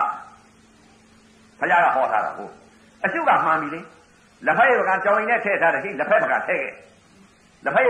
လက်ဖက်ထည့်ထားတဲ့ပကံယူခဲ့သားဆိုတော့ဟောလက်ဖက်သားတော့နာရာကြီးသိလိုက်ကတော့လက်ဖက်မသားတော့ဘူးလားမှမစားဘူးလွဲသွားပြညာတက်လွဲသွားအဲ့ဒီတော့အရှုခံပေါ်လာလို့အရှုအာယုံကဘယ်လိုရှုမလဲရုပ်ဝေဒနာဖောက်ပြန်လာတဲ့အချိန်ခါ တင်းတာပေါ်လာတော့ဓာတ်ဟောတန်ဘောပါလားတခုပြီးတခုဖောက်ပြန်သွားတဲ့သဘောတရားကိုသိလိုက်တာကရုပ်ခံစားတာကနာဩရုပ်ဝေဒနာဖောက်ပြန်လာတဲ့နာကဝေဒနာခံစားနေတာလားခံစားစေတတ်တဲ့ဟာအကြောင်းပါလားဖောက်ပြန်နေတဲ့သဘောကအကျိုးပါလားနာဟာအကြောင်းတရားရုပ်ဖောက်ပြန်တာအကျိုးတရား အကြောင်းအကျိုးဖြစ်တဲ့ယုံနာပါလားလို့အဲ့ဒီလိုဒီလိုရှုလိုက်တော့ငါနာတယ်ငါကြိုက်တယ်ငါထုံတယ်ငါပုံပဲငါချီပဲငါလက်ပဲလို့ရှိပါဦးမလားလက်ဖက်သားရတယ်အဲ့ဒီလိုရှုတယ်နာတာရှုရင်လက်ဖက်မသားဘူးကမှအဲ့ဒါပြဉ္ညတ်တမှန်လို့ပရမတ်သဘောပေါက်လို့ဒိဋ္ဌိပြုတ်တယ်လို့ခေါ်တာအဲသဘောပြောတာပြဉ္ညတ်ပရမတ်ကိုပြောတာနော်အဲ့တော့သဘောပေါက်ကြအောင်ယောဂီတွေကိုပြောတာအဲတချို့ကတော့ခန္ဓာကိုယ်ကဘာပဲဖောက်ပြန်ဖောက်ပြန်ပူတာပေါ်တယ်ဩပေါ်လာတာရုပ် ဓာတ်ပါလားရုပ်ဓာတ်ပါလားဖောက်ပြန်သွားတာရုပ်ပါလားပေါ်မှုရှိလာတာဓာတ်တစ်ခုပြီးတစ်ခုပြောင်းလဲပြီးဖြစ်ပြတဲ့သဘောတရားဖောက်ပြန်နေတာကရုပ်ဖောက်ပြန်တဲ့သဘောခံစားနေတာကနာဩ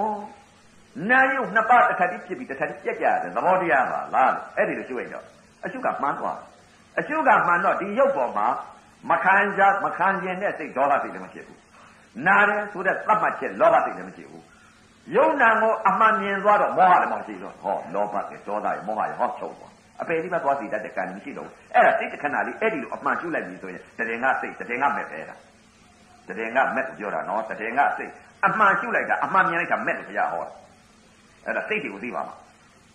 တတထင်ကဒီလိုမြင်လိုက်လို့အရှုခံပေါ်လာလို့အရှုအာယုံကဒီလိုမြင်လိုက်ရင်တထင်ကကိလေသာယာကထုတ်ရုပ်ဝေဒနာပေါ်မှာ အဲစိတ်ကိုပြောတာနော်အဲ့ဒါသဘောပေါက်အောင်လို့ယောဂီတွေကိုတထင်ကမဲ့ဖြစ်ပုံတထင်ကယာကရဲ့ဒေါသရဲ့မောဟရဲ့ချုပ်သွားပုံတထင်ကကိလေသာယာကဒေါသမောဟပယ်အရှုခံပေါ်လာတော့ပြစ္ဆုတ်ပံကိုရှုရတာအမှန်ရှုလိုက်တော့တည်ငါရှုလိုက်တော့တည်ငါလောဘရဲ့လောဘစိတ်ဒေါသစိတ်မောဟစိတ်ဆိုတဲ့ဒီစိတ်တွေကုန်သွားမရှိဘူးအမှန်ရှုလိုက်တာကိုအမှန်မြင်တယ်တဲ့အမှန်အမှန်ရှုလိုက်တယ်အမှန်မြင်သွားတယ်အမှန်မြင်တာကဘာလဲတဲ့သမာဓိရှိ ဘုရားကဒီလိုဟောတာစာထဲကဟိုစာတတ်လို့တော့ပြောတာမဟုတ်သူများပြောတာကိုသာသမားတွေပြောလို့သမာဓိရှိသမာသံကပ္ပဘာဆိုလားအယောက်ရတာဒီအာကြီးပဲဥစဉ်တော့ခန္ဓာကိုပြထားတော့သူများယောက်ရတဲ့ဒီကသိထားအဲ့ဒီတော့တရင်ကမဲ့ဆိုတာဘာလဲခေါ်လို့မသိဘူးဆိုလို့မဲ့နေတာမဲ့ပြောလို့ပြောဆိုလို့ဆိုတရင်ကအခုချုပ်ပုံနေတရင်ကဥပါဒခန္ဓာချုပ်သွားပုံနေကိလေသာသတ်ပုံတွေကိုပြောတာယောဂီတွေမို့လို့ပြောပြတာပါဗျာအဲ့ဒီတော့အရှုခံအာယုံပေါ်လာလို့ချင်းအရှု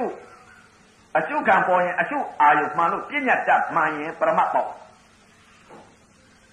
ကြိုက်တာကြီးပေါ်လာပြန်တော့ရောတဲ့ငကောကသိထားတဲ့အသိကအယူမအမမအစွဲမဒိဋ္ဌိကြီးကိုကြိုက်တာကြီးပဲသိထားကြိုက်တာကြီးသိထားလို့ကြိုက်တာကြီးရှုရင်ဒီမှာဒိဋ္ဌိကြီးပြအပေမလုပ်ဘူးဗျဘယ်တော့မှမလုပ်ဘူးကြိုက်တာကြီးစွဲလာနေပြီလို့အယူမအမမဘုရားကတော့ယုံနာနဲ့သဘာဝနဲ့လက္ခဏာပဲရှိတယ်သာမြင်ညာယုံသဘာဝနံသဘာဝလက္ခဏာတော့ရှိတယ်တဲ့ယုံနာတော့ရှိတယ်တဲ့ပြစ္ဆုတ်ပါတဲ့အတိတ်အနာဂတ်ဆိုတာရှိတာမဟုတ်ဘူးတဲ့ အတိတ်ဆိုတာကဘာလဲတဲ့ပြက်သွားတဲ့ယုံနောက်ထပ်ပြန်တွေးတာတဲ့မရှိပညာတဲ့အနာဂတ်ဆိုတာမရောက်သေးပဲနဲ့လှမ်းပြီးအာယုံပြုတာတဲ့ကာမပေါ်သေးပဲနဲ့လှမ်းပြီးအာယုံပြုတာအနာဂတ်မရှိပညာပြစ္ဆုတ်ပါဆိုတာကအမှန်ပေါ်လာတဲ့ယုံနာကိုအမှန်မြင်တယ်အမှန်သိတယ်အမှန်ရှုလိုက်တယ်အမှန်မြင်ပြီးအမှန်သိလိုက်တယ်အဲ့ဒါပါလဲမဲ့တယ်ဘုရားဒီပေါ်အမှန်မြင်အမှန်သိရင်သမာဓိရှိအဲ့တော့အမှန်ကြံရှုလိုက်တာပဲတခါတည်းကိုဝိဇ္ဇာညာနဲ့ ဩပေါ်ဖို့ဟာဘာလဲတတ်သဘောပါလားခံစားမှုကနံပါလားတစ်ခုပြီးတစ်ခုပြောင်းလဲဖြစ်ပြက်သွားတဲ့ကွာဖောက်ပြန်သွားတာကရုပ်ပါလားမြင်တာကတော့အတုပါတရားကြီးပဲဩတခါတည်းအကုန်လုံးတခါတည်းပညာယုတ်ပရမယုတ်ဒီသဘောတွေအကုန်ပြီးသွားအဲ့တော့မြင်တဲ့အပေါ်မှာလဲခုနီးတူသွားပဲတဲ့ခန္ဓာကိုယ်ဓာတ်ကြီးလေးပါရှုလိုက်တဲ့အချိန်ကအမှန်မြင်ပြီးအမှန်ရှုလိုက်တယ်အမှန်မြင်အမှန်ရှုလိုက်တော့ ဝိဇ္ဇာပညာကိုတတ်ပေးလိုက်တော့ဝိဇ္ဇာဉာဏ်นี่အကြောင်းအကျိုးတွေသစ္စာလေးပါကိုမြင်ဟောအဝိဇ္ဇာပညာတိုက်တော့နာတယ်နာတယ်နာတယ်လို့အဲ့ဒီလိုရှုလိုက်တော့တခါတည်းနာတာကြီးကိုသိပြီးတော့အကြောင်းအကျိုးမမြင်တော့ဘူးပညာတတ်မှားနေအဝိဇ္ဇာပညာတိုက်တော့အဝိဇ္ဇာအသိပဲသိလွယ်တော့ပညာတတ်မှားပညာတတ်မှန်းရမယ်။အော်မြင်တာအတုပါတရားကြီးရှုလိုက်အဲ့လိုသိလိုက်စိတ်ကလေးကဒီလိုထားပေါ်လာတာဓာတ်ပေါ်လာတာဘာလဲတဲ့ပုံမှုတွေဘာလဲတဲ့ပုံမှုတွေပေါ်နေပုံမှုတွေဒါတွေပေါ်နေပေါ်နေတာဓာတ် တခုပြီးတခုပြောင်းလဲပြီးတော့ဖောက်ပြန်သွားတာကယုတ်အဲ့ဒီယုတ်ဒီဖောက်ပြန်သွားတဲ့ဥစ္စာဝေဒနာတွေခံစားနေတာနာနာယုတ်တာရှိတယ်အဲ့ဒီကနာယုတ်ကိုခံစားစီတတ်တဲ့အကြောင်းတရားယုတ်ဆိုတာကြာလို့တွေ့ကောင်းတဲ့တရားမျိုးမဟုတ်ဘူးဖောက်ပြန်တဲ့သဘောဟာခံကြာလို့လည်းမတွေ့ရဘူးသဘာဝပဲရှိတယ်လက်နဲ့လည်းကင်ပြလို့မရဘူးအဲ့ဒီယုတ်ဒီဖောက်ပြန်မှနာကခံစားတာခံစားတာလို့သိခံစားနေတဲ့သဘောတရားပဲရှိတယ်နာသူကြိုက်သူဘေးကထုံလူကျင့်သူအောက်မရှိ ခံစားတတ်တဲ့သဘောတရားသာရှိတယ်အဲ့ဒါကနာအကြောင်းရုပ်အကျိုးခံစားစီတတ်တဲ့အကြောင်းတရားသာကျုပ်သွားအတိထုံးသွားလိမ့်မယ်အတိလေးထုံးသွားလိမ့်မယ်ဆိုတော့အတိကြီးထုံးထုံးသွားတော့အသွန်သွန်မြင်သွားအဲသဘောပေါက်အဲ့ဒီတော့အရှုကံပေါ်လာလိုက်တဲ့အချိန်ခါမှာဝိဇ္ဇာပညာတက်လိုက်တော့တခါတည်းຢာကဒေါသမောဟဒိဋ္ဌိလည်းပြုတ်ပေါ့တရင်ကပေါ်လာတရင်ကရှုချလိုက်ဩ ဖောက်ပြန်နေတာရုပ်ပါလားခံစားနေတာနာမလားခံစားစီတတ်တဲ့အကြောင်းကိုရှုသွားအကြောင်းတရားကိုရှုသွားခံစားစီတတ်တဲ့အကြောင်းတရားလေးကိုရှုသွားခံစားတတ်တဲ့သဘောတရားလေးကိုသိပြီးလိုက်သွားတာခံစားစီတတ်တဲ့သဘောလေးဆုံးသွားဩနာယုတ်တထသေးဖြစ်ပြီးတထဆုံးသွားပါလားလို့အဲ့ဒီမှာအစောမြင်အဲ့တော့ခန္ဓာကိုယ်တွေကဓာတ်ကြီးတွေပါဘာပဲဖောက်ပြန်ဖောက်ပြန်အကြောင်းကြီးရှုသွားအကျိုးကိုမသာအကြောင်းတရားကိုစလိုက်တော့အကျိုးဖြစ်မဲ့ လောဘစိတ်ဒေါသစိတ်မောဟစိတ်ခန္ဓာတွေမဖြစ်တော့အကျိုးတွေသေးကုန်အကြောင်းသတ်လိုက်တာကိုအဲ့တော့ဥပမာဘာနဲ့တူလဲလို့ဆိုလို့ကျအကြောင်းသအကျိုးသတဲ့အချုပ်ခံပေါ်လာလို့ရှိရင်အကြောင်းတရားအကျိုးတရားရှိတယ်နာအကြောင်းယုတ်အကျိုးယုတ်အကြောင်းနာအကျိုးဗိဓာမြင်အကျိုးသအကြောင်းပါလဲတဲ့ယုတ်အကျိုးနာနာအကြောင်းယုတ်အကျိုးတဲ့ယုတ်အကြောင်းနာအကျိုးတဲ့ဒီလိုရှိတာဒုက္ခဝေဒနာဒုက္ခဝေဒနာ ဓာတ်ကြီးလေးပါဖောက်ပြန်လာတာကဒုက္ခဝေဒနာဗဟိတအာယုံကအာယုံဆောက်လိုက်ခံစားတာကဒုက္ခဝေဒနာမြင်တာရုပ်တယ်မြင်လိုက်တဲ့အပေါ်မှာနာကခံစားလိုက်တာရုပ်အကြောင်းနာအကျိုးခေါ်တယ်အဲ့ဒါဒုက္ခဝေဒနာခေါ်တယ်ဓာတ်ကြီးလေးပါဖောက်ပြန်လာလို့ခံစားလိုက်တာကနာအကြောင်းရုပ်အကျိုးခေါ်တယ်နာအကြောင်းရုပ်အကျိုးရုပ်အကြောင်းနာအကျိုးတဲ့ဟောဒီလိုဟောအကြောင်းအကျိုးတွေနော်အကြောင်းအကျိုးကင်းလို့ဘာမှမရှိအကြောင်းကြောင့်အကျိုးဖြစ်နေတဲ့ရုပ် အဲ့ဒီယုံနာသဘာဝလက္ခဏာသဘောတရားသာမြင်ရကိုသိကြမယ်ဆိုလို့ရှိရဲ့မိဘလမ်းပြမှန်လို့အဝိဇ္ဇာပညာဝိဇ္ဇာပညာဝိဇ္ဇာပညာအမှန်တင်ပေးလို့ရှိရင်ဝိဇ္ဇာဉာဏ်ဒီသစ္စာလေးပါးရကြမယ်ဝိဇ္ဇာပညာမှတတ်မပေးလို့အဝိဇ္ဇာပညာများတတ်ပေးလိုက်ပြီဆိုလို့ရှိရင်အဝိဇ္ဇာအသိကြီးသိတာပဲဘယ်တော့မှတရားမရတော့သစ္စာလေးပါးမရတော့ပညာကြီးဖြစ်ကုန်အဲ့တော့ပညာဖြစ်ပုံတွေပရမဖြစ်ပုံတွေသဘောပေါက်ပုံတွေဒိဋ္ဌိပြုတ်ပုံတွေ နာတယ်ဟာကြီးကိုအကျိုးတရားကြီးကိုရှုတယ်ရှုလိုက်ရင်နာရာကြီးရှုလိုက်ရင်အကျိုးတရားကြီးကိုရှုတာရုပ်ကိုရှုတာအကြောင်းရှုတာမဟုတ်ဘူးနာရာဆိုတာကဘာလဲအကျိုးတရားရှုတာအဲ့ဒီအကျိုးတရားရှုတော့အကြောင်းမသိဘာကြောင့်အကြောင်းမသိလဲတဲ့ခွေးတွေဟာကဲဥပမာပြောမယ်ခွေးများဂဲလုံးနဲ့ပေါက်လိုက်ဂဲလုံးနဲ့ပေါက်လိုက်တော့ဘာလိုက်တဲ့အကျိုးသက်တွေပြောတာနော် အကျိုးသက်အကြောင်းသက်ကိုပြောတာလူကနေပြီးဂဲလုံးနဲ့ပေါက်လိုက်တယ်သိဆိုးပြီးတော့ဘယ်ဟာလိုက်ကြိုက်လဲဂဲလုံးကိုလိုက်ကြိုက်ဂဲလုံးလိုက်ကြိုက်တော့ဘာသာဘာသက်တယ်လေတဲ့အကျိုးသက်တယ်လို့ခေါ်အဲဒီတော့တော်ရဲမြမုတ်သောဟာဖြင့်မနှက်နဲ့ညားနဲ့သွားညားနဲ့သွားတော့ကြားကို ညားနဲ့တဏှတ်နဲ့ပြစ်တော့မယ်ဆိုတော့ကြားဟာဖြင့်ဒီမဲ့ဘလို့ကိုလိုက်ကြိုက်လဲတဲ့ညားကိုလည်းလိုက်မကြိုက်ဘူးညားနဲ့ပြစ်လိုက်လည်းညားကိုလည်းမကြိုက်ဘူးဘယ်လိုက်ကြိုက်လဲတဲ့အကြောင်းကိုလိုက်လိုက်တယ်တဏှတ်ပြစ်မဲ့ပုံကိုရဲ့ညားနဲ့ပြစ်မဲ့ပုံကိုလူပြစ်ကြိုက်တယ်လူပြစ်ကြိုက်လိုက်တော့တဏှတ်ပြစ်ပြကြည့်ပါဦးလေးပြစ်နိုင်ပါဦးမပြစ်နိုင်အဲ့ဒါအကြောင်းသတ် အခုပုံကိုတွေကအကြောင်းမသတ်ဘဲနဲ့အကျိုးတွေသတ်ကြတယ်နာရာပေါ်လာတော့နာရာကြီးရှုနာရာကြီးရှုတော့အကျိုးသတ်ခေါ်တယ်ဝေဒနာနာဟုဘုရားနာဟုသဒိဋ္ဌိသတ်တယ်တဏှာသတ်နာရာကြီးရှုတာကအကျိုးသတ်အကြောင်းကတော့မသတ်ဘူးနာရာကြီးရှုအကျိုးသတ်ကြီးပဲအဲ့ဒါပြညာတမှားနေအရှုခံပေါ်လာတော့အရှုအာယုလွဲသွားတယ်နာရာကြီးပေါ်လာတော့ခံစားစီတတ်တဲ့သဘောကိုရှုလိုက်တော့ဒိဋ္ဌိပြုတ် အယူမအမှမပြောက်နာတယ်လို့အယူမအမှမဒိဋ္ဌိကြီးမရှိတော့ကြိုက်တယ်လို့မရှိတော့ထုံတယ်လို့မရှိဘူးဖောက်ပြန်တဲ့သဘောခံစားစီတတ်တဲ့သဘောနာကိုရှုသွားနာရှုသွားတော့အသိအစလည်းထုံသိသွားအဲ့ဒါဒိဋ္ဌိပြုတ်အဲ့ဒါကြောင့်မို့တရားဓမ္မမြတ်ခုတရားယောဂီတွေမို့လို့အကြောင်းတရားအကျိုးတရားကိုရှုဖို့ဟာကိုခန္ဓာဓာတ်ကြီးလေးပါဖောက်ပြန်လာလို့ရှိရင်ဖြင့်နာတာကိုမရှုကြနဲ့အကြောင်းကိုသတ်ကြရလိမ့်မယ်ဝေဒနာဒီနာကိုဘုရားဟော ခံစားတည်တတ်တဲ့သဘောတရားလေးကိုအစအလေအဆုံးအတိလေးဆုံးလိုက်ရကြသုံးပါအဲ့ဒါအကြောင်းသတ်ခေါ်အဲ့ဒီအကြောင်းသိပြီဆိုရင်အကျိုးဖြစ်မဲ့ပိတ်ကြငရဲတလိ္ဆာဆိုတဲ့ခန္ဓာတွေမရှိတော့အကြောင်းသတ်ကိုအကြောင်းသတ်ပလိုက်ခုနကတော့ဟိုတင်းလို့ပေါ့ကြားလို့ပေါ့တဏှတ်ပြည့်မဲ့ပုဂ္ဂိုလ်ကြိုက်တာပလိုက်တာတဏှတ်မပြည့်နိုင်တော့ဘူးအသေးသွားပြီကြည်ရလူမလာနိုင်တော့ဘူးအကြောင်းသတ်လိုက်တာကို အကြောင်းကဘာလဲနာအကျိုးကဘာလဲယုတ်အဲ့ဒါအကြောင်းကိုသတ်လိုက်တော့အကျိုးယုတ်မဖြစ်တော့အပေလေးပါမဖြစ်တော့အဲ့ဒါအကြောင်းသအကျိုးသဆိုတာအကြောင်းရင်သဒိဋ္ဌိကိုရင်သဗဟိတမြင်မြန်တော့ဘယ်လိုသရမလဲဗဟိတမြင်တော့ဟောပညာတတ်လွဲပြန်မြင်တယ်မြင်တယ်လို့ဒီလိုသတ်သတ်မှလိုက်လို့ဒီဟာဒီလိုလို့ပညာတတ်မှာဟောတယ်အဲ့တော့ဘယ်လိုသတ်ရမလဲတဲ့မြင်တဲ့အပေါ်မှာဩ အကြောင်းအကျိုးနဲ့သတ်ပြရမြင်တယ်ဆိုတာပညာတတ်မှာမြင်တဲ့ဟာဘယ်လိုလဲတဲ့ဩမြင်တာဘာကိုရှုလိုက်ရမလဲမြင်တဲ့ဟာအတုပါကြီးပါလားနာနဲ့ခံစားတာပါလားအတုပါရုပ်ရုပ်ဖြစ်မြင်တာကအကြောင်းတရားခံစားလိုက်တာအကျိုးတရားဩရုပ်အကြောင်းနာအကျိုးပါလားအကြောင်းအကျိုးဖြစ်တယ်အကြောင်းအကျိုးဖြစ်တယ်ဆိုပြီးတော့ရုပ်ရုပ်ကိုမြင်တော့အကြောင်းကိုအရင်တိုက်ဗဟိတမြင်တာကအကြောင်းအရင်တိုက် အကျိုးနောက်မှတိုက်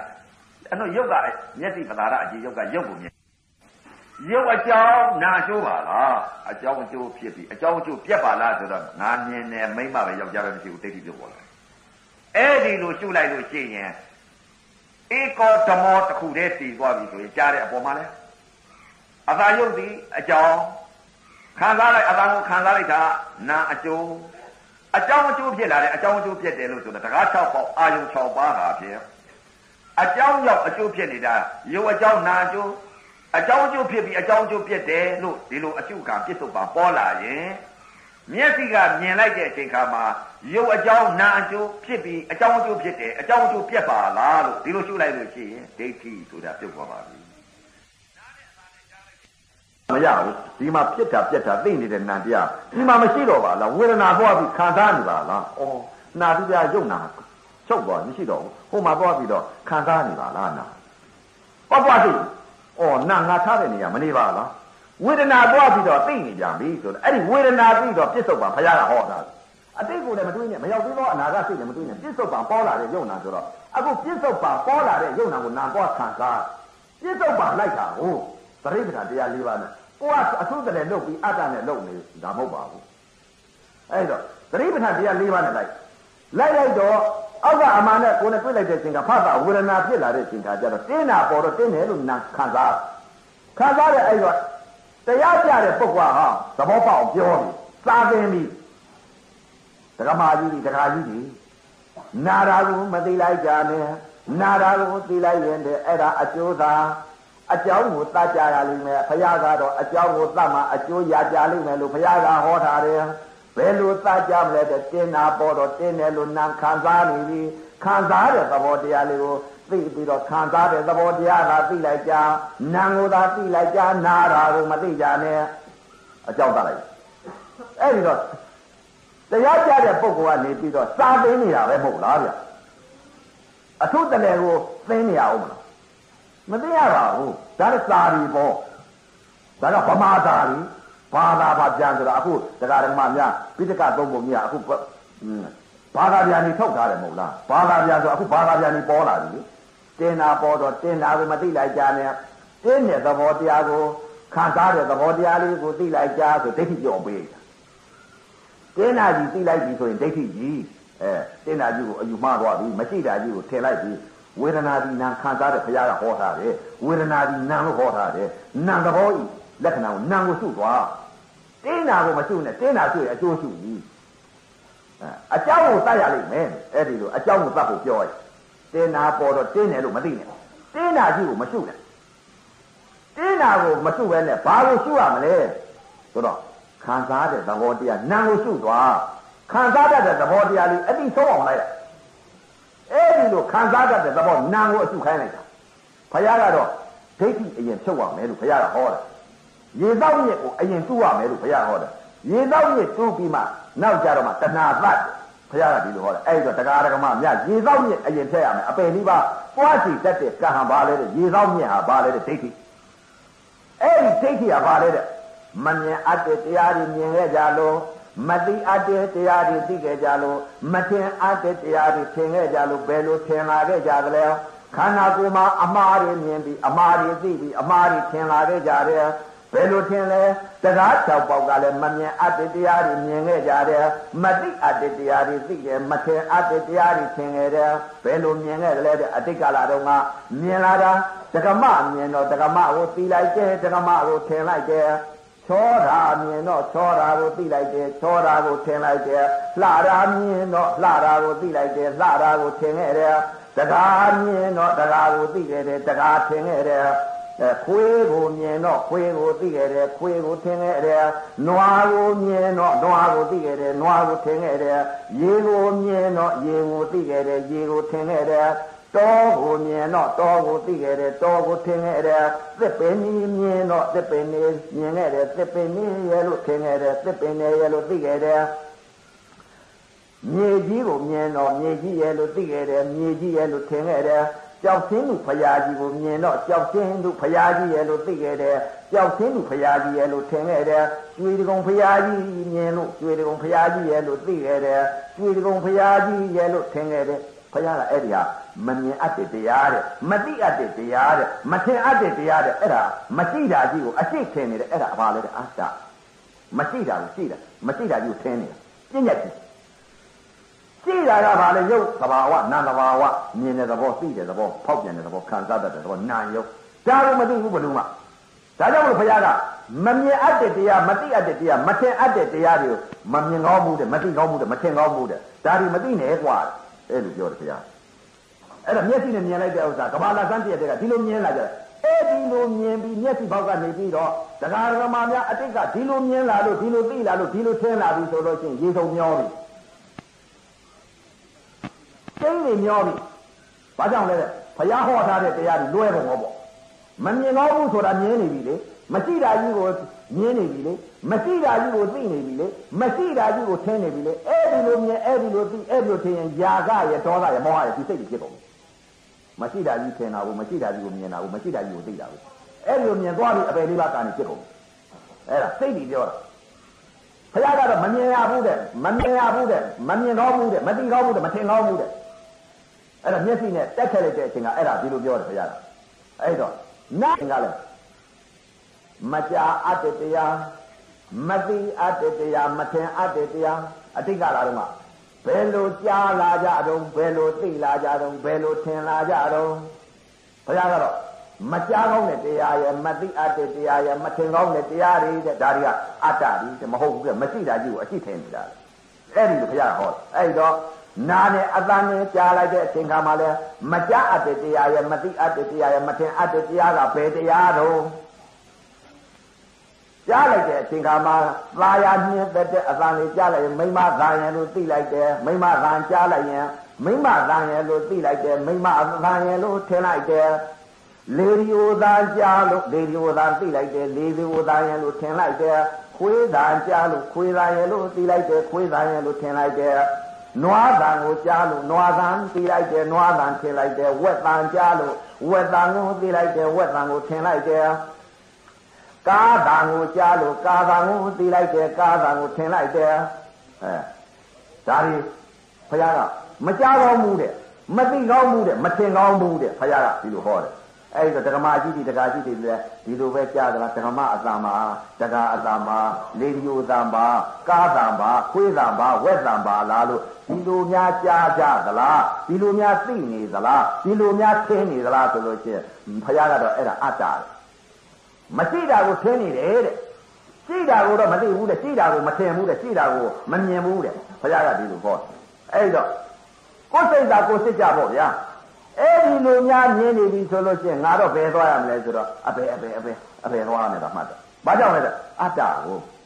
အဲ့တော့သွားရမှာကတော့ကျင်းနေတယ်လူသသိမ့်နေတယ်လို့လူတယောက်မဖြစ်ဘူး။ဘာကြောင့်မဖြစ်တယ်တဲ့မရှိတာကြီးကြီးကြားတယ်မရှိတာကြီးတွေကိုသိတယ်မရှိတာကြီးတွေကိုထင်တယ်ဒါတွေကိုသိနေ ဥစဉ်ကတော့သဘာဝပြောမှာပဲအဲ့တော့သိချသဘောပေါက်အောင်လားသဘာဝကတော့ပြောမှာဗျအဲ့တော့အဲ့တော့ဘုရားကတော့မမြင်မကြားအပ်တဲ့တရားမသိအပ်တဲ့တရားမထင်အပ်တဲ့တရားအဲ့တော့ဒကမာကြီးတွေဒကာကြီးတွေလည်းမကြားအပ်တဲ့တရားတွေမသိအပ်တဲ့တရားတွေမထင်အပ်တဲ့တရားတွေများထင်တော့မဲ့လားလို့ဆိုတဲ့ဥစ္စာကိုယ်စိတ်ဓာတ်ကိုစိတ်ကြတော့အဲ့တော့အကုန်လုံးဒါပြောတာနော်အဲ့ဒီလိုမြင်အဲ့ဒီလိုသိရင်ဖြစ်တာအတိမှများသိနေကြတာ မရှိတာထင်တယ်အတ္တတဲ့ဘုရားဟောတာတဲ့အဲ့ဒီလိုသိနေအဲ့ဒီလိုထင်ပြီးဆိုငါတော့လေးပဲတောက်ပြီးတော့ငါတော့ရက်ပဲထင်တော့မယ်လို့အဲ့ဒီမှာအပယ်လေးပါးကိုသာတတိထားတော့ဒီလိုမြင်နေဒီလိုသိနေအဲ့တော့ဘုရားကတော့ဟောတယ်ဒါမမြင်ကောင်းဘူးတဲ့မသိကောင်းဘူးတဲ့မထင်ကောင်းဘူးกว่าအဲ့လိုပြောတယ်အဲ့တော့နောက်ပြီးတော့နှာခေါင်းနဲ့အနံ့နဲ့ထိမှန်လိုက်တဲ့အချိန်ကလည်းဘယ်လိုများနားနေကြတော့ဘယ်လိုများသိတော့ဘယ်လိုများထင်နေလုံးတဲ့ မနာအပ်တဲ့တရားတဲ့မသိအပ်တဲ့တရားမထင်အပ်တဲ့တရားတဲ့မွေလိုက်တာသင်းလိုက်တာကြိုင်လိုက်တာပုတ်တော်နာနဲ့ချင်းတော်နာနဲ့ဟောင်းတော်နာနဲ့တို့များဒီလိုများသိနေသလားဒီလိုပြထင်းနေသလားလို့ကိုယ်စိတ်သာကိုယ်စိတ်ကြတော့ကိုယ်စိတ်ကိုယ်စိတ်သိတာပေါ့ဗျာသူများပြောပါဘူးဘယ်ပြောရမလဲကိုယ်စိတ်အသိဆုံးကိုယ်စိတ်ကလေးကိုတခါတည်းဖမ်းလိုက်ပြီဆိုတော့သိရောအဲငါဒီလိုပဲသိသလားမှုေးတာပေါ်လာတော့မှုေးတယ်လို့သိလိုက်သလားမှုေးတယ်လို့ထင်းနေသလားဆိုတာ ပုတ်တော်နာနာပေါ်တော့ပုတ်တော်နာတယ်လို့သိသလားပုတ်တော်နာတယ်လို့ထင်သလားရှင်တော်နာလို့ရှင်တော်နာမဲ့သိသလားရှင်တော်နာတယ်လို့ထင်သလားဟောင်းတော်နာလို့ဟောင်းတော်နာတယ်လို့သိသလားဟောင်းတော်နာတယ်လို့သိထင်သလားလို့ဒီလိုအသိဒီလိုအမြင်ကတော့ဘုရားကတော့မနန်းကောင်းတဲ့တရားမသိကောင်းတဲ့တရားမထင်ကောင်းတဲ့တရားဘုရားကတော့မမြင်အပ်ဘူးတဲ့ဒါတွေမနာအပ်ဘူးတဲ့မသိကောင်းတဲ့မသိနေတဲ့ဒီလိုသိရမှာကလည်းဘာလဲတဲ့သဘာဝတဲ့ယုံနာဘုရားဟောတယ်အဲ့တော့ပုံကိုယ်တွေဒီလိုမသိဘူး ဒါရင်သိတော့တရားတော်များဒီလိုများဒလစီကြီးများဒီလိုသိနေပြီဆိုလို့ချင်းအဲငါတော့ဆင်းရတော့မယ်လို့လားတစ်ထိချမှဘာကြောင့်လဲအတ္တကိုအတ္တဆိုတော့ဘာလဲတဲ့မသိတာခေါ်တယ်ဥပ္ပခဝေဒနာခေါ်ဝေဒနာခံစားနေဒုက္ခဝေဒနာဒုက္ခဝေဒနာဥပ္ပခဝေဒနာဝေဒနာသုံးခုဒေပြည့်ချက်ပြီးခံစားတော့ဝေဒနာပါလေအဲ့ဒီဟာဝေဒနာဝေဒနာမှသိနေပါရ အဲ့တော့ဒါကမမြင်အပ်တဲ့တရားကိုပြောတာမနာအပ်တဲ့တရားကိုပြောတာမကြားအပ်တဲ့တရားကိုပြောတာမရှိတဲ့တရားတွေကိုအရှိထင်တာအတ္တကိုပြောတာအဲ့ဒါအတ္တနဲ့ကပြောတယ်အတ္တမဖြစ်လားဖြစ်လားဆိုတာငါတို့အတ္တလော့လားဆိုတာကိုသိဖို့အတ္တဒိဋ္ဌိပဲသက္ကာယဒိဋ္ဌိအတ္တဒိဋ္ဌိဆိုတာဘာလဲမရှိတာကိုအရှိထင်လိုက်တာအမှားတွေမြင်ပြီးအမှားတွေသိလိုက်တာအမှားတွေထင်လိုက်တာအဲ့တော့အဲ့တော့ လျာနဲ့ရတာနဲ့စားလိုက်တဲ့ကမစားအပ်တဲ့တရားမသိအပ်တဲ့တရားတဲ့မထင်အပ်တဲ့တရားဘုရားအဲ့တော့တရားဒဂမများလည်းဘယ်လိုများစားကြတော့ဘယ်လိုများသိနေကြတော့ဘယ်လိုများထင်နေကြတော့အဲ့တော့စားလိုက်တဲ့အချိန်ခါမှာဘုရားကတော့အဲမမြတ်မစားအပ်တဲ့တရားရဲ့မသိအပ်တဲ့တရားရဲ့မထင်ကောင်းတဲ့တရားရဲ့ဘယ်လိုထင်နေကြလုံးတဲ့ မမြင်ကောင်းတဲ့တရားမသိအပ်တဲ့တရားမထင်ကောင်းတဲ့တရားကတော့မရှိတာတွေထင်နေတာဘယ်လိုလဲစားလိုက်တဲ့အချိန်ခါမှာဝက်သားဟင်းမယ်ကြက်သားဟင်းမယ်ဘဲလာဟင်းမယ်စိတ်သားဟင်းမယ်ငါတလောက်ဟင်းမယ်ငါတလောက်ဥပဲတဲ့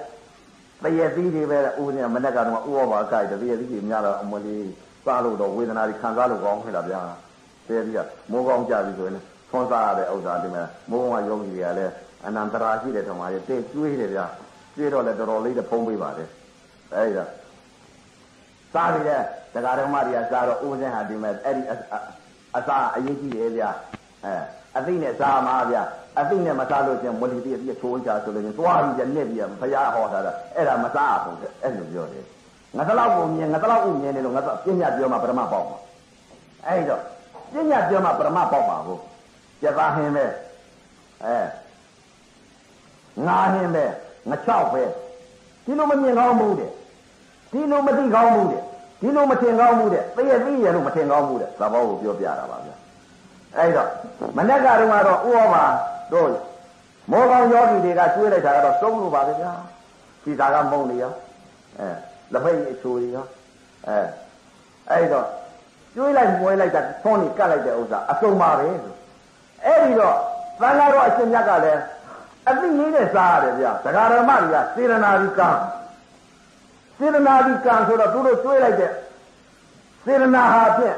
ဩစေရနာနဲ့ကျွေးလိုက်တဲ့ဥစ္စာဦးဇင်းတို့ကနေပြီးဒကာဒကမများဟာဖြင့်စေရနာအတုတ်ပြန်ရလေဘယ်လိုပြုတ်အတုတ်ပြန်လဲအသိနဲ့စားဘုရားကအသိဟောတာဟုတ်အသိနဲ့စားလို့လောလောဘကြီးနဲ့စားနေပြီဆိုလို့ချင်းတရတိဆိုတာကြီးအရသာခံစားမယ်ငါသလောက်ဥကိုအရသာခံစားမယ် မဟင်းသားကိုအရသာခံစားမယ်ဆိုရင်အဲ့ဒီဟာဒကမာဒကာကြီးဒကမာကြီးတွေကတော့စေရနာကံရလိမ့်မယ်ဥပဇင်းတို့ကတော့တန်တွေခဲစားတာပဲဘာကြောင့်လဲသွားနစ်ပြီအဲ့ဒီတော့စားတတ်ရမယ်လို့ဘုရားဟောတယ်စားအတ္တတရားရဲ့သိအတ္တတရားရဲ့ထင်အတ္တတရားရဲ့တဲ့ဘယ်လိုစားကြတယ်လဲမစားအပ်တဲ့တရားရဲ့မသိအပ်တဲ့တရားရဲ့မထင်အပ်တဲ့တရားရဲ့ကအဲ အတိတ်ကလာတော့ဥပဇင်းကဒီလိုပဲသိလာတယ်အဲကျက်သားဟင်းစားလိုက်ပြီဆိုရင်ချိုလိုက်တာအရသာရှိလိုက်တာအရသာခံစားပြီးလောလုပတဏှာတခါတည်းကိုဖြစ်နေတာချိုလိုက်တာအရသာခံစားတယ်ရှင်လိုက်တယ်လို့အရသာခံစားတယ်ဆင်လိုက်တယ်လို့အရသာခံစားတယ်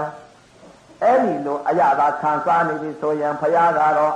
မစားအပ်တဲ့တရားတဲ့မသိအပ်တဲ့တရားမထင်အပ်တဲ့တရားတဲ့အတ္တတဲ့မဟုတ်ဘူးတဲ့မင်းဝေဒနာကြီးတဲ့ ဝေဒနာတွေတဲ့ဒါဒုက္ခဝေဒနာတွေတဲ့ဝေဒနာဒုက္ခဝေဒနာဒုက္ခဝေဒနာဒီလိုသိပါမှာဒီလိုမသိလိုက်လို့ကောင်းတယ်လို့ခံစားနေပြီဆိုလို့ရှိရင်ဒုက္ခတွေ့တော့မယ်တရားဓမ္မတွေကတော့တခါတည်းစေရနာနဲ့တခါတည်းကိုရတာဤရုပ်ကိုတခါတည်းကျွေးတယ်ကျွေးလိုက်တော့အသိလေးနဲ့စားမှတရားဓမ္မတွေလည်းမြတ်တဲ့တရားရဘယ်လိုမြတ်တဲ့တရားရလဲမြတ်တဲ့တရားရဘုရားကအသိဟောတာကိုဒါကြောင့်မလို့စေရနာကံလို့ဟောဒါကြောင့်မလို့ စေရနာကဆိုတရားဓမ္မများတွေးတဲ့ဥစ္စာလဲစေရနာမှာစားလိုက်တဲ့အချိန်ကလည်းသီလဝိသုဒ္ဓိစိတ်တဝိသုဒ္ဓိပညာဝိသုဒ္ဓိသုတ်တိသုံးပါသင်ကြအောင်စားဒီလိုသုတ်တိသုံးပါမှာသင်ကြအောင်မှမစားလို့ချင်းတရားဓမ္မတွေလှူတာလဲအကျိုးများမလားစေရနာတော့ကာရမှာပဲသိပြီအကျိုးမဟုတ်ဘာကြောင့်လဲတဲ့အထီသုံးပါမညီလို့အထီသုံးပါညီအောင်စားတာအထီသုံးပါဘယ်လိုအထီသုံးပါညာစားလိုက်တဲ့အပေါ်မှာသီလဓမ္မတွေပညာပြည့်စုံအောင်စားသီလဓမ္မတွေပြည့်အောင်ပြည့်စုံအောင်စားမှသာပဲ လူတဲ့ပုဂ္ဂိုလ်ကလည်းစေရနာကံပေါ်တော့အကျိုးသိပေးတော့တာပေါ့သုံးသုံးမလဲဟာအကျိုးပေးသွားတော့တာဘယ်လိုကြောင့်လဲဘုရားဟောတာအသိဟောတာဟေးတယ်အလှကံပုဂ္ဂိုလ်ကလည်းစေရနာပန်ရလိမ့်မယ်အလှကံပုဂ္ဂိုလ်ကလည်းသီလဝိသုဒ္ဓိစိတ်တာဝိသုဒ္ဓိပညာဝိသုဒ္ဓိသုဒ္ဓိသုံးပါသင်ကြရလိမ့်မယ်အလှဘေးပုဂ္ဂိုလ်ကလည်းစေရနာသင်ကြရလိမ့်မယ်အလှပွဲဝတ္ထုကလည်းသင်ကြရလိမ့်မယ်အဲ့ဒီလိုသုံးသုံးပလဲ သင်ကြသွားပြီဆိုရင်အကျိုးအာရုံပြီးတယ်အဲ့ဆိုတရားဓမ္မတွေလှူတဲ့ဥစ္စာကလည်းဟွန်းကျွေးတဲ့ဥစ္စာစေရနာကံရတော့ကံဟောကာမေကံပြီးတဲ့ပုဥသုံးမလဲညီမျှအောင်ဟာကိုအဲ့ဒီဟာကိုသီလဝိသုဒ္ဓိစိတ်တဝိသုဒ္ဓိပညာဝိသုဒ္ဓိသုဒ္ဓိသုံးပါသင်ကျဲအောင်ဖုံးမိရဓမ္မတရားဓမ္မတွေလည်းအကျိုးရှိဒါကြောင့်ဘုရားကသုံးဥသုံးမလဲအလူကပုဂ္ဂိုလ်ကလည်းသီလဝိသုဒ္ဓိစိတ်တဝိသုဒ္ဓိပညာဝိသုဒ္ဓိသုဒ္ဓိသုံးပါသင်ကျဲရမယ်လို့ဘုရားဟော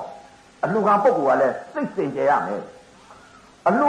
အလူဝတ္ထုကလည်းသင်ကျဲရမယ်တဲ့အလူဝိပုဂ္ဂိုလ်ကလည်းစေရနာပန်းနေရမယ်တဲ့အဲ့ဒီလိုသုံးဥသုံးမလဲမင်းဖြစ်လာပြီဆိုရင်အခုပြစ္ဆုတ်ပံကာလဒိဋ္ဌဝရိညာအကျိုးပေး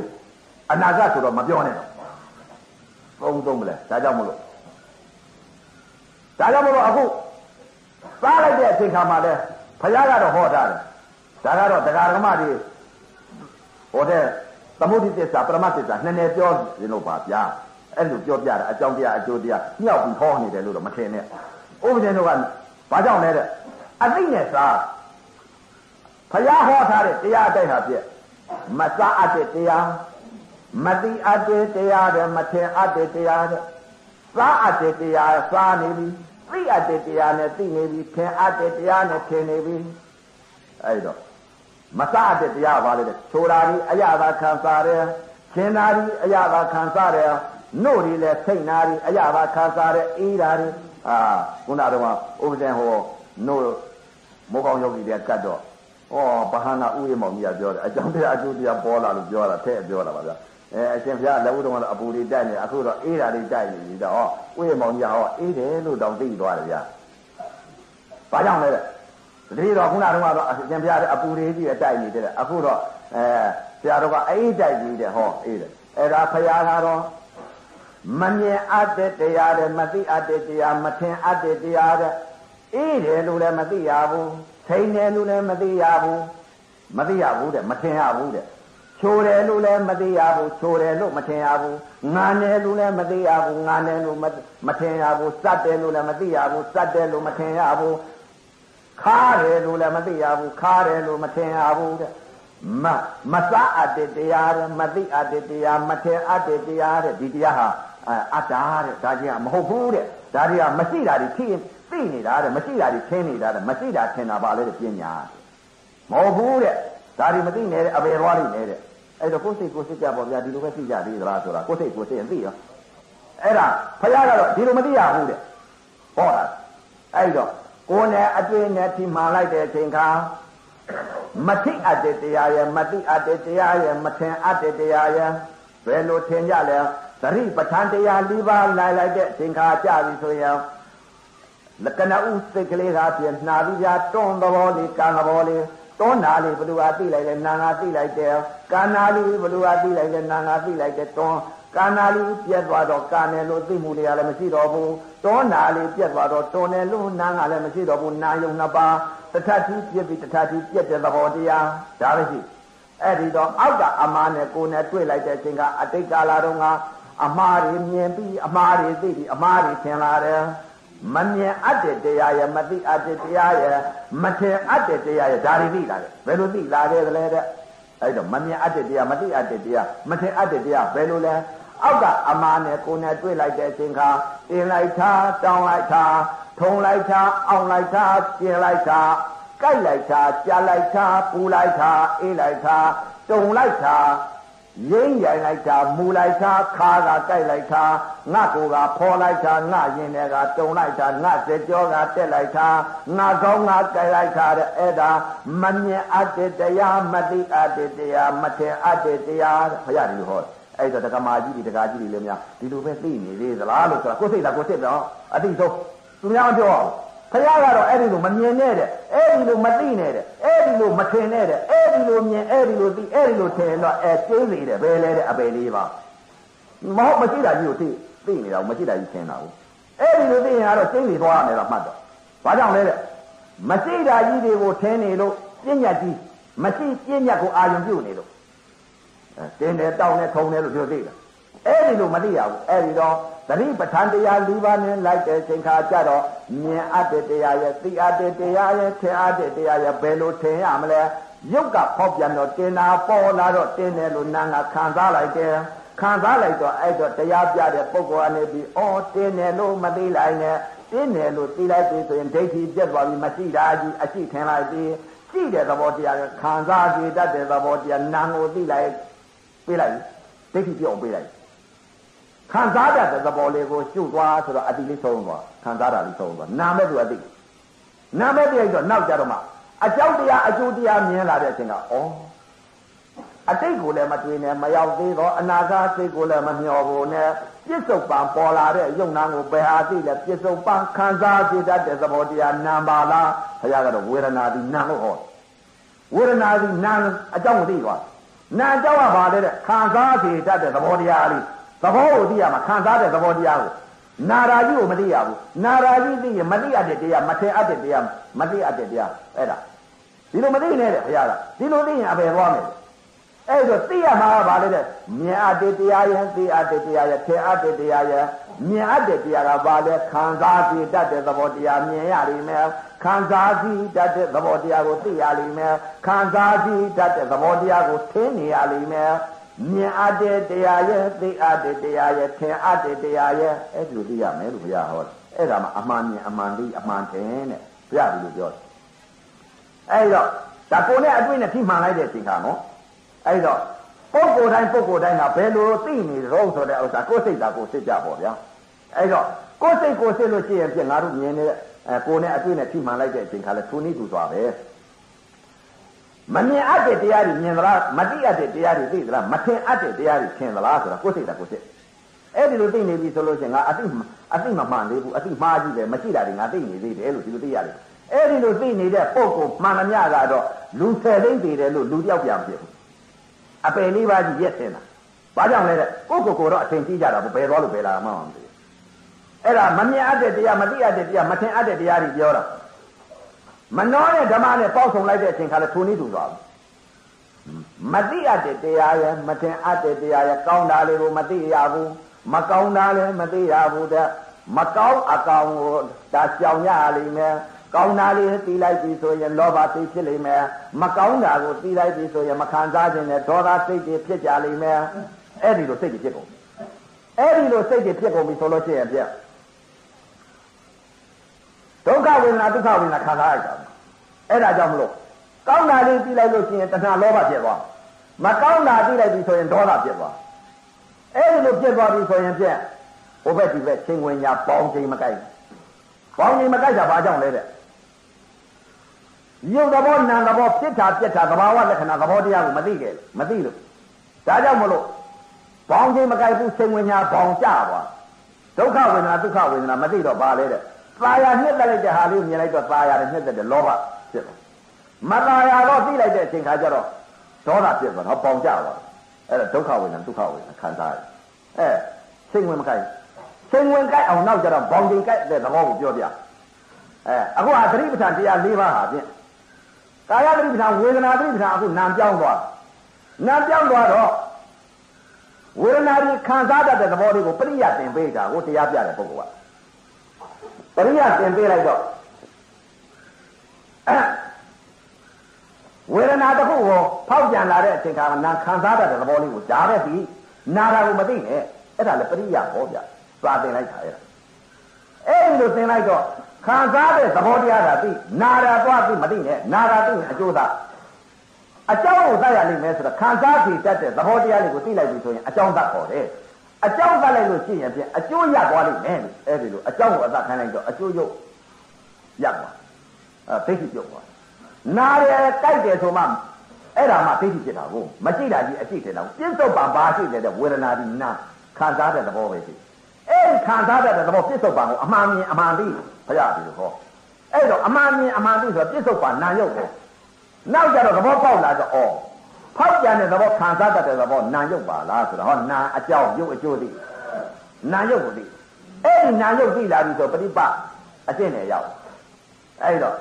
ခံစားတတ်တဲ့သဘောတရားလေးကိုသိလာပြီတဲ့အကြောင်းကိုသတ်ပြီးဆိုတော့အစနဲ့အလဲနဲ့အထုံးနဲ့အတိလေးဆုံးဆုံးသွားတော့ဩယုံနာလို့ဖြစ်လာလို့ရှိရင်ပြက်ဒုက္ခတရားကြီးပါလားဖြစ်တာနဲ့မဖြစ်တဲ့သဘောတရားဟာဆိုတော့တခါတည်းကိုမြင်လာပါရဲ့ဩ ဒီယုံနဲ့ဒီနာဖြစ်လာပြီဆိုရင်ခံစားစီတတ်တဲ့သဘောတရားဖောက်ပြန်စီတတ်တဲ့သဘောတရားပါလေယုံနာဖြစ်လာရင်ဒုက္ခတရားကြီးပါလားဒီယုံနဲ့ဒီနာမဖြစ်လို့ရှိရင်ဒုက္ခပါလားဆိုဒုက္ခမြင်ဒုက္ခရောမြင်တယ်ဒုက္ခလည်းမြင်တယ်ပြစ်တာလည်းသိတယ်ပြစ်တာလည်းသိတယ်ဖြစ်တာကပါလေယုံနာမဖြစ်မပြတ်တဲ့သဘောတရားကပါလေနိဗ္ဗာန်မြင်လာပြီနိဗ္ဗာန်မြင်လာပြီပရိဝေဒညာရဟော ဖြစ်ပြနေတဲ့သဘောကယုံနာပါလား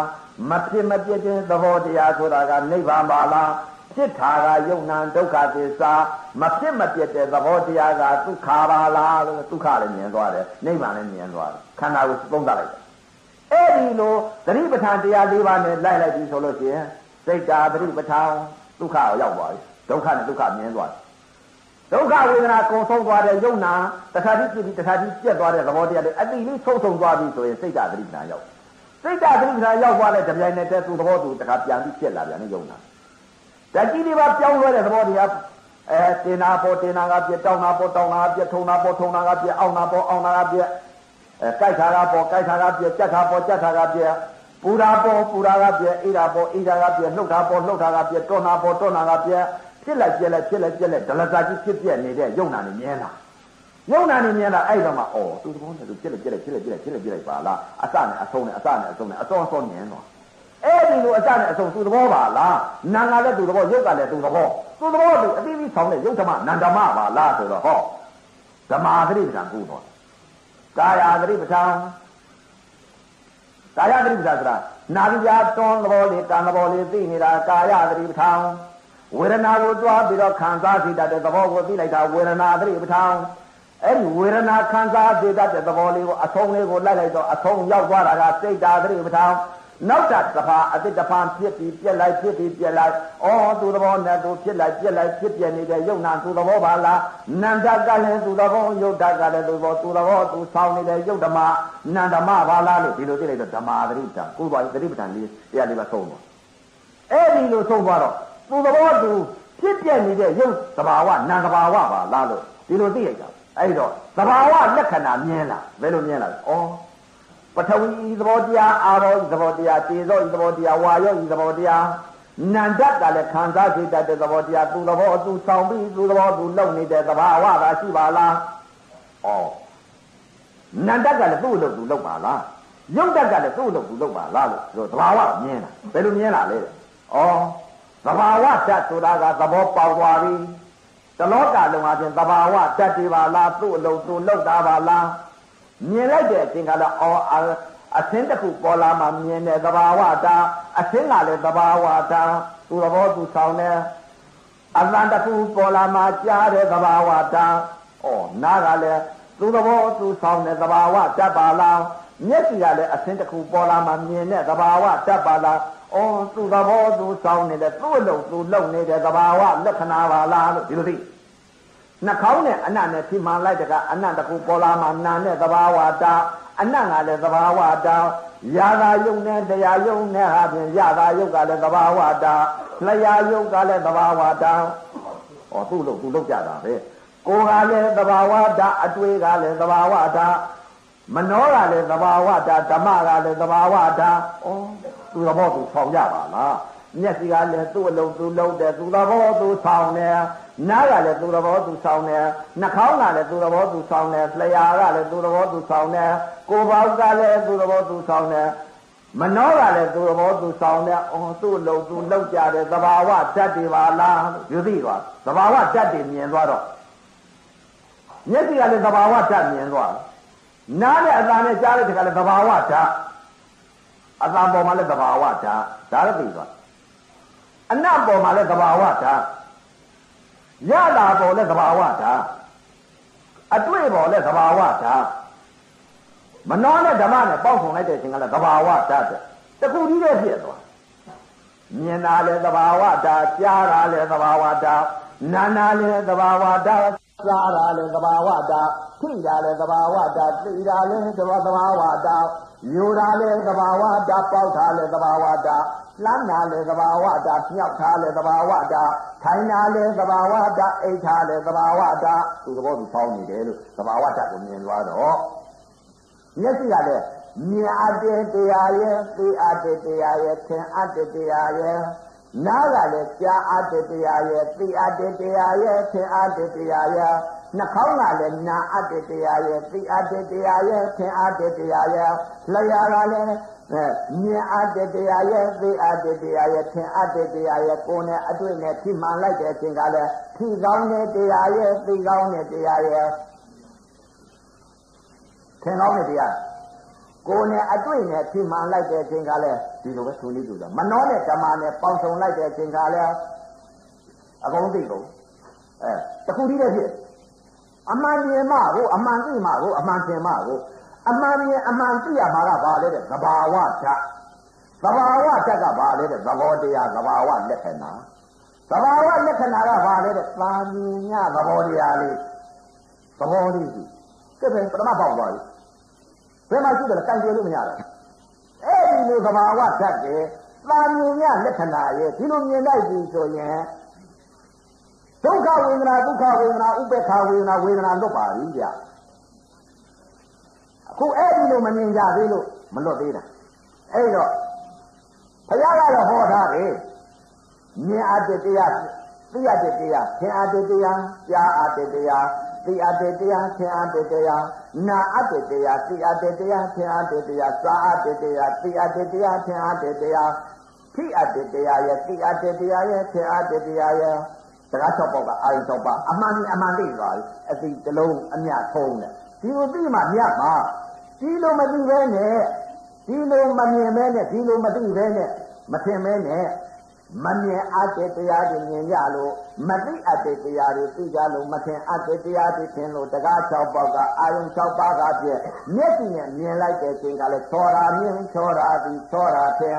လှတာမြင်လို့လှတာပြီးလှတာထင်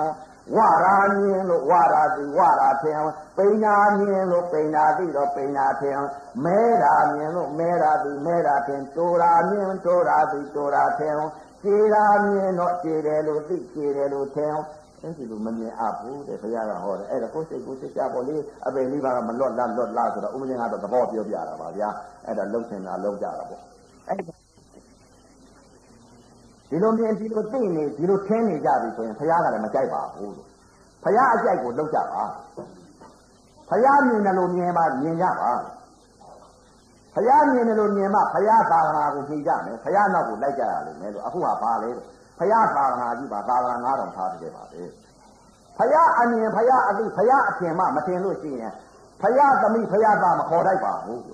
ဘုရားသမီးဘုရားသားခေါ်လိုက်တာကဘယ်လိုလဲတဲ့ဘုရားအမြင်မြင်ဘုရားအသိသိဘုရားအထင်ထင်မှဘုရားသမီးဘုရားသားဖြစ်ပါလိမ့်မယ်ဒီလိုမှမမြင်မဲနဲ့ ကျုပ်တို့ကတော့ဘုရားသားပါဘုရားသမီးပါလို့ကျွန်တော်မရပါဘူးမဟုတ်ပါဘူးဘုရားသမီးဘုရားသားမဟုတ်ပါဘူးဘုရားကသူ့အမြင်သူ့အသိသူ့အထင်ထင်မှာတဲ့မြင်အပ်တဲ့တရားသိရတဲ့တရားထင်အပ်တဲ့တရားကိုထင်မှာတဲ့သူ့အမြင်သူ့အသိမှဒါကဘုရားသားဘုရားသမီးဖြစ်တော်ဘောဒီလိုမမြင်ဒီလိုမသိဒီလိုမထင်လို့ရှိလို့ရှင်ဘုရားသားဘုရားသမီးမဟုတ်ပါဘူးဗျာကျုပ်တို့ကဘုရားသားပါကျုပ်တို့ကဘုရားသမီးပါလို့ဒီလိုပြောလို့မဟုတ်ပါဘူးဗျာဘုရားအမြင်ဘုရားအသိဘုရားအထင်ကိုသစ္စာလေးပါးကိုမြင်မှာ သဘာဝလက္ခဏာသာမြင်ရသဘောကိုမျက်စိကຢာကဒေါသမောဟမဖြစ်မှာအဲ့ဒါမှသဘာဝလက္ခဏာသာမြင်ရသဘောကိုမြင်မှသာလဲအမှန်မြင်အမှန်သိမှသာလဲသဘာဝလက္ခဏာမြင်မှຢာကဒေါသမောဟဆိုတဲ့ဒီကဒီစိတ်ကြီးမဖြစ်ပါဘူးအဲ့တော့ကြားလိုက်တဲ့အချိန်ခါမှာလဲဘယ်လိုမြင်ပြီးဘယ်လိုကြားနေလဲဘယ်လိုသိလဲဘယ်လိုထင်လဲတဲ့ခွေးတန်ကြားလို့ခွေးတန်သိတယ်ဒကမာအတန်ကြားလို့ဒကမာအတန်သိတယ်ဒကမာအတန်ရဲ့လို့ထင်လိုက်တယ် ဇာမင်းသမီးအတန်ကြားလို့ဇာမင်းသမီးရဲ့လို့သိလိုက်တယ်ဇာသမင်းသမီးရဲ့လို့ထင်လိုက်တယ်အဲလေဒီယိုတန်ကြားလို့လေဒီယိုတန်ရဲ့လို့သိလိုက်တယ်လေဒီယိုတန်ရဲ့လို့ထင်လိုက်တယ်အဲပိုက်စကုံမင်းသမီးအတန်ရဲ့လို့ကြားလိုက်လို့ပိုက်စကုံမင်းသမီးအတန်ရဲ့လို့ထင်လိုက်တယ်သိလိုက်တယ်ဘိုလ်မူကြီးအတန်ကြားလို့ဘိုလ်မူကြီးအတန်ရဲ့လို့သိလိုက်တယ်ဘိုလ်မူကြီးအတန်ရဲ့လို့ထင်လိုက်တယ် ခွေးတန်ကြားလို့ခွေးတန်သိတယ်ခွေးတန်ထင်တယ်ဝက်တန်ကြားလို့ဝက်တန်သိတယ်ဝက်တန်ထင်တယ်နွားတန်ကြားလို့နွားတန်သိတယ်နွားတန်ထင်တယ်အဲဒီလိုအသိဒီလိုအမြင်ကတော့ဘုရားကမမြင်မကြားကောင်းဘူးတဲ့မသိကောင်းဘူးတဲ့မထင်ကောင်းဘူးတဲ့ဒီလိုမကြားကြနဲ့ဒီလိုမသိကြနဲ့ဒီလိုမထင်ကြနဲ့ကွာတဲ့အဲ့လိုဘုရားတော့ဟောတယ်အဲ့တော့ကိုယ်စိတ်ကိုစိတ်ကြပေါ့ဗျာအဲ့တော့ဘုရားကတော့ဒီလိုမကြားနဲ့ဒီလိုမသိနဲ့ဒီလိုမထင်နဲ့တဲ့သိရမယ် ကြားရမယ်တရားရယ်သိရမယ်တရားရယ်သင်အားရမယ်တရားရယ်ဘယ်လိုတရားလဲခုနကတော့ပြောတယ်မြင်ကောင်းတဲ့တရားကြားကောင်းတဲ့တရားသင်အပ်တဲ့တရားတဲ့မြင်ကြားလိုက်တဲ့သင်္ခါလဲသဘာဝအကြာသဘာဝလက္ခဏာပါမြင်ညာသဘောမြင်တာလဲသဘာဝပါလားသဘာဝလက္ခဏာပါလားသူသဘောသူဆောင်ပါလားသဘာဝဤဓာတ်ပါလားအတန်သဘာဝအဲကြားတာကလည်းသဘာဝသူသဘောသူဆောင်တယ်သဘာဝဓာတ်ပါလားလို့ဒီလိုသိရ ဒီလိုသိမှသာလေဒီကြားအပ်တဲ့တရားသိအပ်တဲ့တရားသင်အပ်တဲ့တရားတဲ့ဘုရားဒီလိုဟောဒီလိုသိရမယ်ဒါကဘုရားသမီးဘုရားသားဖြစ်တယ်ဒီလိုမသိသေးနဲ့များဘုရားသားဘုရားသမီးလို့မခေါ်တတ်ဘူးပြင်းညာလည်းမထုတ်ကောင်းဘူးအဲ့ဒါဘုရားသားဘုရားသမီးခေါ်တတ်အောင်လုပ်ကြဘုရားအတိမျိုးကိုလိုက်ကြဘုရားအတိမျိုးကမြင်အပ်တဲ့တရားသိအပ်တဲ့တရားသင်အပ်တဲ့တရား ကြားအပ်တဲ့တရားသိအပ်တဲ့တရားသင်အပ်တဲ့တရားနာအပ်တဲ့တရားသိအပ်တဲ့တရားသင်အပ်တဲ့တရားအဲ့ဒီတော့ဒီလိုသိရမယ်တဲ့ဘုရားကဘယ်လိုသိနေလဲတဲ့ပုတ်စော်နာနဲ့ဆင်းစော်နာနဲ့ဟောင်းစော်နာနဲ့ပွေးတယ်သင်းတယ်လို့ဒီလိုသိတာမဟုတ်ဘူးဘုရားကဘယ်လိုသိလဲနှာခေါင်းနဲ့အနတ်နဲ့နားလိုက်တဲ့အနာကလည်းသဘာဝတာနှာခေါင်းကလည်းသဘာဝတာရုပ်ရုပ်ချင်းပေါင်းစုံမှအနတ်တစ်ခုပေါ်မှာသူကနာနဲ့သဘာဝတာအနတ်ကလည်းသဘာဝတာ သဘာဝဓာတ်သဘောတရားကကျသူသဘောသူလုပ်နေသဘာဝဓာတ်တွေလေဒီလိုသိအဲ့ဒီလိုသဘာဝဓာတ်လက္ခဏာသဘောတရားတာမြင်ရကိုပေါက်မှာအဲ့ဒီလိုသိလိုက်ပြီဆိုလို့ရှိရင်ဘုရားကနာအတ္တတရားသိအတ္တတရားသင်အတ္တတရားအမှန်မြင်အမှန်သိအမှန်သင်သွားတယ်အဲ့ဒီလိုသိမှဘုရားသမီးဘုရားသားဖြစ်ဘုရားနောက်လိုက်ပြီဘုရားလိုသိသွားပြီလေဘုရားအသိဆိုတာကဘုရားအသိဘုရားလိုလုံးမှဘုရားအသိဖြစ်တာ ဘုရားအသိဆိုတဲ့ဥစ္စာကဘာလဲတဲ့ဘုရားအသိကဘယ်အသိလဲတဲ့အမှန်မြင်အမှန်သိအမှန်ထင်နေတာရှိတာကိုသိတာရှိတာကိုထင်တာမရှိတာကိုသိတာမဟုတ်ဘူးမရှိတာကိုထင်တာမဟုတ်ဘူးအမှန်မြင်အမှန်သိရမယ်လို့ဘုရားကဟောတာအဲ့တော့ဒါကြောင့်မလို့ ဘုရားသမီးတွေဖြစ်ကြရအောင်ဘုရားသားတွေဖြစ်ကြရအောင်ပါပြောတော့ပြောကြပါရဲ့တပည့်တော်တို့တော့ဘုရားသမီးပါဗျာတပည့်တော်တို့တော့ဘုရားသားပါဗျာဘုရားဟုတ်ပါဘူးဗျာဘုရားသမီးဘုရားသားမဟုတ်ပါဘူးအဲ့ဒီလိုဘုရားလိုမြင်ရင်ဘုရားလိုသိရင်ဘုရားသမီးဘုရားအမြင်ဘုရားသိသိရင်ဘုရားသားအဲ့ဒါမှသာရင်ဗုဒ္ဓဘာသာဟောဘုရားကငါငါအယူဝါဒအဲ့ဒီအဲ့တော့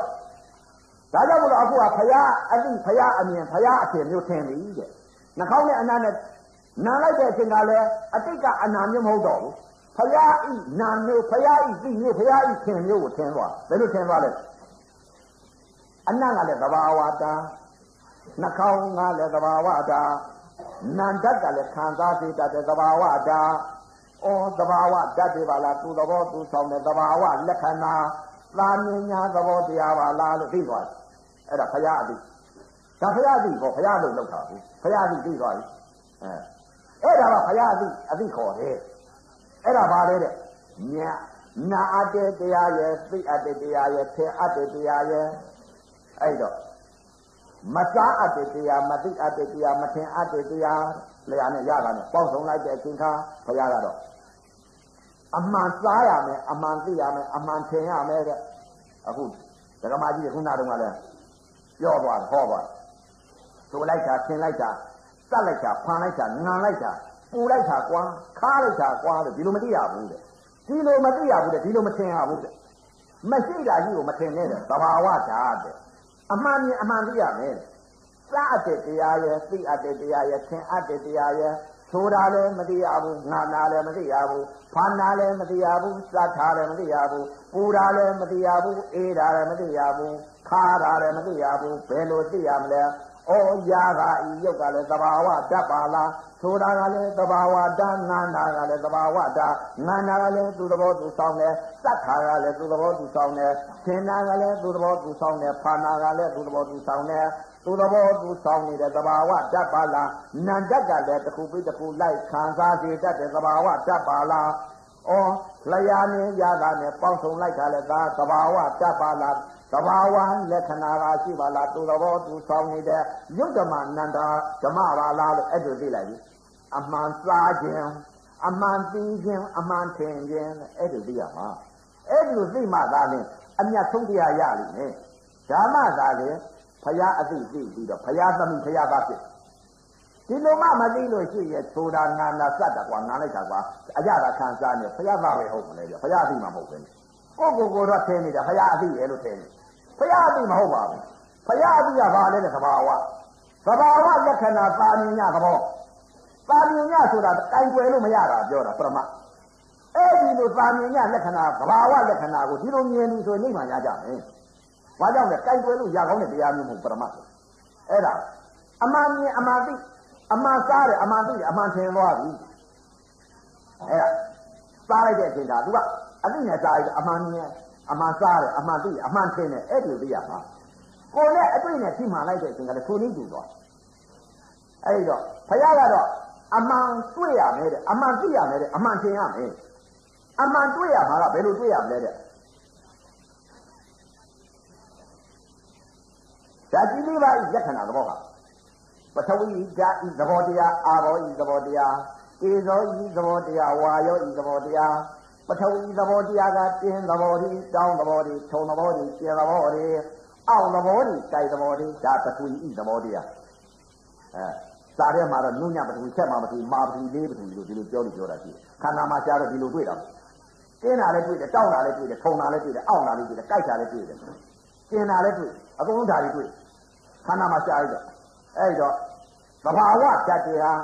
ဩတင်နာကလည်းသဘာဝတတ်သူသဘောသူဆောင်တင်နာကလည်းသူသဘောသူဆောင်ပါလားတောင်းနာကလည်းသူသဘောသူဆောင်တယ်ထုံနာကလည်းသူသဘောသူဆောင်တယ်ကျင်နာကလည်းသူသဘောသူဆောင်တယ်အောက်နာကလည်းသူသဘောသူဆောင်တယ်ကြိုက်ခါကလည်းသူသဘောသူဆောင်တယ်ကြက်ခါကလည်းသူသဘောသူဆောင်တယ်သွေးကြီးရိုကြလာတယ်လည်းသူသဘောသူဆောင်တယ်ပူရာကလည်းသူသဘောသူဆောင်အေးရာကလည်းသူသဘောသူဆောင်လှုပ်တာကလည်းသူသဘောသူဆောင်တော်နာကလည်းသူသဘောသူဆောင် ရင်းရိုင်တာကလည်းသူသဘောသူဆောင်ရင်ဝိပြပြားပြီးရင်သက်နေတာကလည်းသူသဘောသူဆောင်ပါလားဩသဘာဝတတ္တရားဖြင့်သူသဘောသူဆောင်နေတဲ့သဘာဝတတ္တပါလားနန္တကလည်းတစ်ခုပြီးတစ်ခုလိုက်ပြီးခံစားစေတတ်တဲ့သဘာဝတ္တ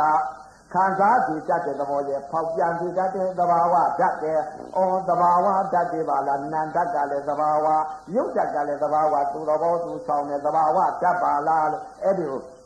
သိသွားတာအဲ့ဒါဘုရားသိ သဘာဝဓာတ်ဆိုတာဘုရားသိသွားတာဘုရားသိတဲ့အသိကိုသိလိုက်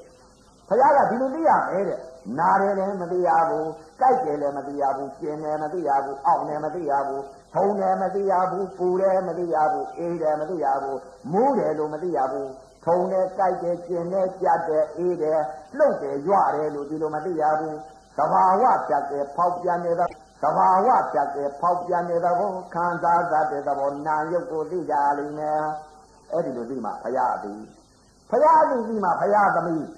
ဖယားသားဖယားနောက်ကိုလိုက်ကြရတယ်အနည်းမို့ဖယားနောက်ဝေးပါသည်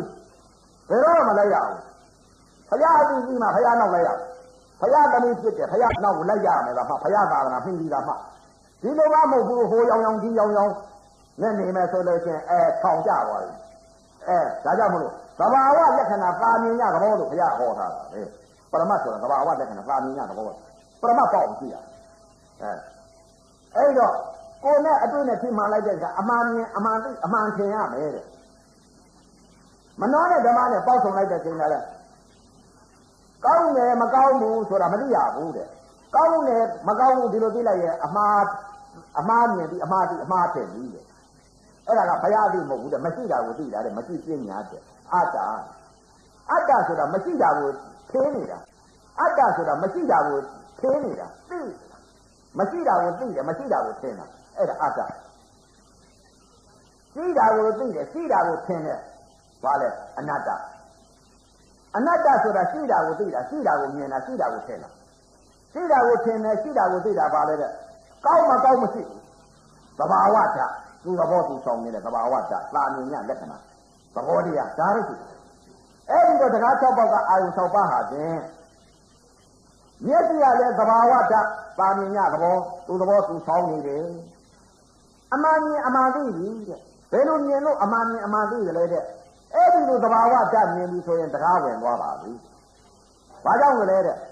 ဖယားမြင်တဲ့အမြင်မျိုးမြင်သွားတယ်ဖယားသိရဲ့အသိမျိုးသိသွားတယ်ဖယားထင်တဲ့အထင်မျိုးထင်သွားတယ်ဖယားမြင်ဖယားအသိဖယားအထင်ကဘယ်လိုလဲတဲ့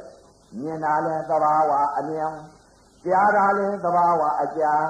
နာနာလဲသဘာဝအနံစားတာလဲသဘာဝအစာထိတာလဲသဘာဝအထိသိတာလဲသဘာဝအသေးယူတာလဲသဘာဝအယိုပေါက်တာလဲသဘာဝအပေါက်လှမ်းတာလဲသဘာဝအလောင်းထိုင်တာလဲသဘာဝအတိုင်းအိတ်တာလဲသဘာဝအအိတ်သူသဘောသူသဘာဝကြီးမြင်တယ်အဲ့ဒါသူကလည်းသူသဘောသူဆောင်တဲ့သဘာဝဓာတ်တွေကိုသဘောတရားတွေကိုတလောကလုံးဓာတ်တရားတွေဓာတ်တရားမြင်သွားပြီသဘောတရားတွေကိုယုံနာနေမြင်ကုန် အမှန်မြင်အမှန်သိဖျားမြင်တဲ့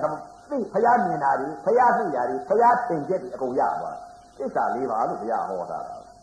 ဖျားမြင်ဖျားသိဖျားထားတွေဒါတွေသိသွားဒါကြောင့်မို့ဖျားသားဖျားသမီးငါသမီးငါသားတဲ့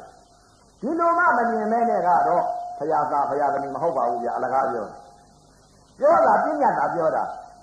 အစ်စ်ဟုတ်သလားတဲ့အစ်စ်ဟုတ်အောင်လုပ်ရင်လုပ်အစ်စ်ဟုတ်အစ်စ်လုပ်မှအစ်စ်ရ အစ်စ်လုပ်ရမှာဘာလဲတဲ့သတိပဋ္ဌာန်တရား၄ပါးနဲ့အတိအမြဲတမ်းထားကြဒါတော့ဒါကြောင့်လေမြင်တဲ့ပေါ်မြင်တဲ့ပေါ်မှာလည်းသဘာဝအမြင်မြင်ရရအောင်ကြားလိုက်တဲ့အချိန်ကလည်းသဘာဝကြားကြားကြရအောင်မျက်စိကလည်းຢာကစိတ်မဖြစ်အောင်ဒေါသစိတ်မဖြစ်အောင်နားကလည်းຢာကစိတ်မဖြစ်အောင်ဒေါသစိတ်မဖြစ်အောင်နှာခေါင်းကလည်းຢာကစိတ်မဖြစ်အောင်ဒေါသစိတ်မဖြစ်အောင်လျှာကလည်းຢာကစိတ်မဖြစ်အောင်ဒေါသစိတ်မဖြစ်အောင် ကိုယ်ဘောက်ကလည်းຢာကစိတ်မဖြစ်အောင်ဒေါသစိတ်မဖြစ်အောင်မနှောကလည်းຢာကစိတ်မဖြစ်အောင်ဒေါသစိတ်မဖြစ်အောင်အဲ့ဒီလိုຢာကဒေါသမောဟမဖြစ်ဘူးဆိုလို့ရှိရင်ပြအဲဖယားနောက်လိုက်ရပြီလားမှတ်တယ်။ဘာကြောင့်လဲတဲ့ပုဂ္ဂိုလ်တိုင်းပုဂ္ဂိုလ်တိုင်းကိုယ်စိတ်ကိုစိတ်ကြပေါ့ဗျာ။ဘယ်လိုစိတ်ကြမလဲ။ငါအတိအမြဲတမ်းထားသလား။အတိဟာအမြဲတမ်းကပ်နေသလား။အတိရှိသလားဆိုတာကိုယ်စိတ်ကိုစိတ်ကြပေါ့။ကိုယ်စိတ်ကိုစိတ်လို့ရှိရင်ပြငါတို့အတိမရှိတဲ့ပုဂ္ဂိုလ်ဟာပြမောဟဆိုတာကသူဝင်နေကြလား။ တရားချက်ပေါက်ကသူကဖြူဖြူဖြောင်းဖြောင်းကြီးဝင်လာတယ်။အတိပေါက်ကလည်းဝင်လာတယ်။နားပေါက်ကလည်းဝင်လာတယ်။နှာခေါင်းပေါက်ကလည်းဝင်လာတယ်လျာဘောက်ကလည်းဝင်လာလိမ့်မယ်ကိုဘောက်ကလည်းဝင်လာလိမ့်မယ်မနှောကလည်းဝင်လာလိမ့်မယ်ဗျာသူဝင်နေကြလမ်းကဘာလဲမောဟကသူဝင်နေကြလမ်းမသိမှုအဝိဇ္ဇာမောဟအဲ့ဒီ तू ကဝင်နေကြလမ်းကြီးဗျာဝင်လာလိမ့်မယ်ဗျာဝင်လာပြီဆိုလို့ရှိရင်ကိုချိုးနေကြလိမ့်မယ်ဗျာကိုချိုးနေမှာကတော့များပါတယ်ဘာကြောင့်လဲတဲ့မောဟကို သူဝင်နေကြလမ်းကြီးအဝင်ခါနေတာပဲလက်တက်ခါနေတာကိုလက်တက်ခါတော့ဘာဘာ